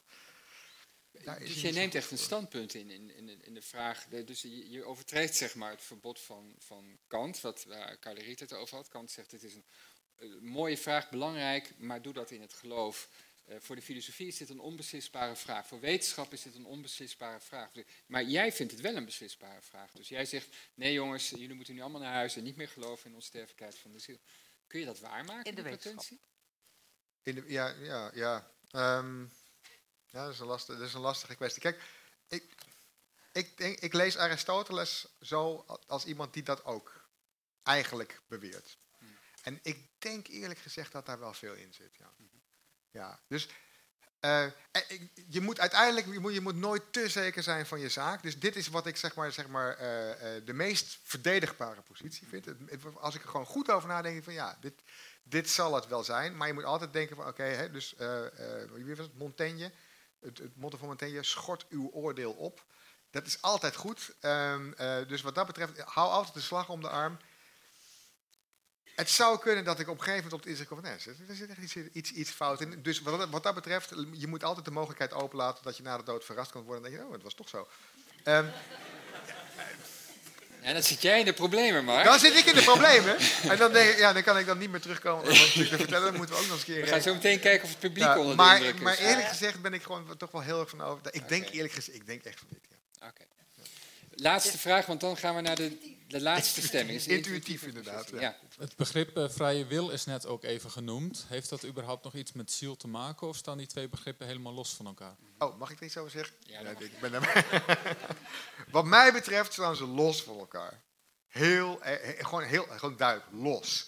Eh, omdat, eh, eh, eh, heel kort waarom ik daar zo, zo fel over ben. De narigheid is dat men vrije wil is gaan begrijpen als dat Platoonse of Cartesiaanse dualisme. Dus men denkt van je hebt alleen maar vrije wil als er een immateriële ziel is die aan de touwtjes trekt. Nou, die is er waarschijnlijk niet. En dan wordt dus heel snel de conclusie getrokken, oh, dan hebben we ook geen vrije wil.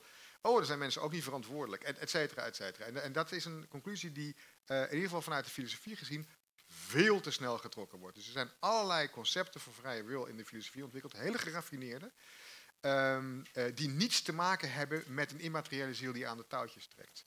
Dus, dus als je Dick Swaap's hoofdstuk 17 leest van Wij zijn ons brein, dan definieert hij daar vrije wil als het nemen van een beslissing zonder dat er enige invloed op wordt uitgeoefend, door wie dan ook. Eh, Als dat vrij wil, en dat is, dat is ontleend aan een soort van hele platte eh, versie van, eh, van een Cartesiaans begrip van een oorzaak die zelf geen oorzaak heeft. Ehm, als dat je begrip van vrije wil is, dan gaat het heel snel. En dat hoofdstuk is ook heel kort. Eh, dat is ook niet zo'n goed hoofdstuk. Ehm, maar er is dus verschrikkelijk veel geschreven. Er zijn hartstikke mooie, intelligente eh, concepten van vrije wil ontwikkeld, die er niks mee te maken hebben. Dus daarom denk ik van, eh, haal ze alsjeblieft uit elkaar. Ja. Ja. En zelfs bij Kant, die zegt we kunnen niet weten, maar op het moment dat hij dus de postulaten van de praktische reden formuleert, zijn het de, de, de ziel onsterfelijk is en dat we vrije wil hebben. Dus die die worden ook door Kant nog steeds aan elkaar Zit in eh, de theologie ook eh, aan De elkaar. connectie is zeer Ja. eh, Mm. historisch gezien voor de hand liggend, Ja, ja, dat, ja, ja. Maar dat was een andere vraag. Ehm, na dit verhaal en na deze hele avond gaan we de, de, de, de opiniepoll nog een keer opnieuw doen. Eh, gelooft u in de ziel of gelooft u niet in het bestaan van de ziel? Wie zegt nog steeds ja? Ja, maar, ja, ja, maar wel- Ja. Heel goed. Wie zegt nee? Ja. Wie is er veranderd van mening? Wat goed. En dan wil ik nu de loopmicrofoon. Waarom bent u veranderd van mening?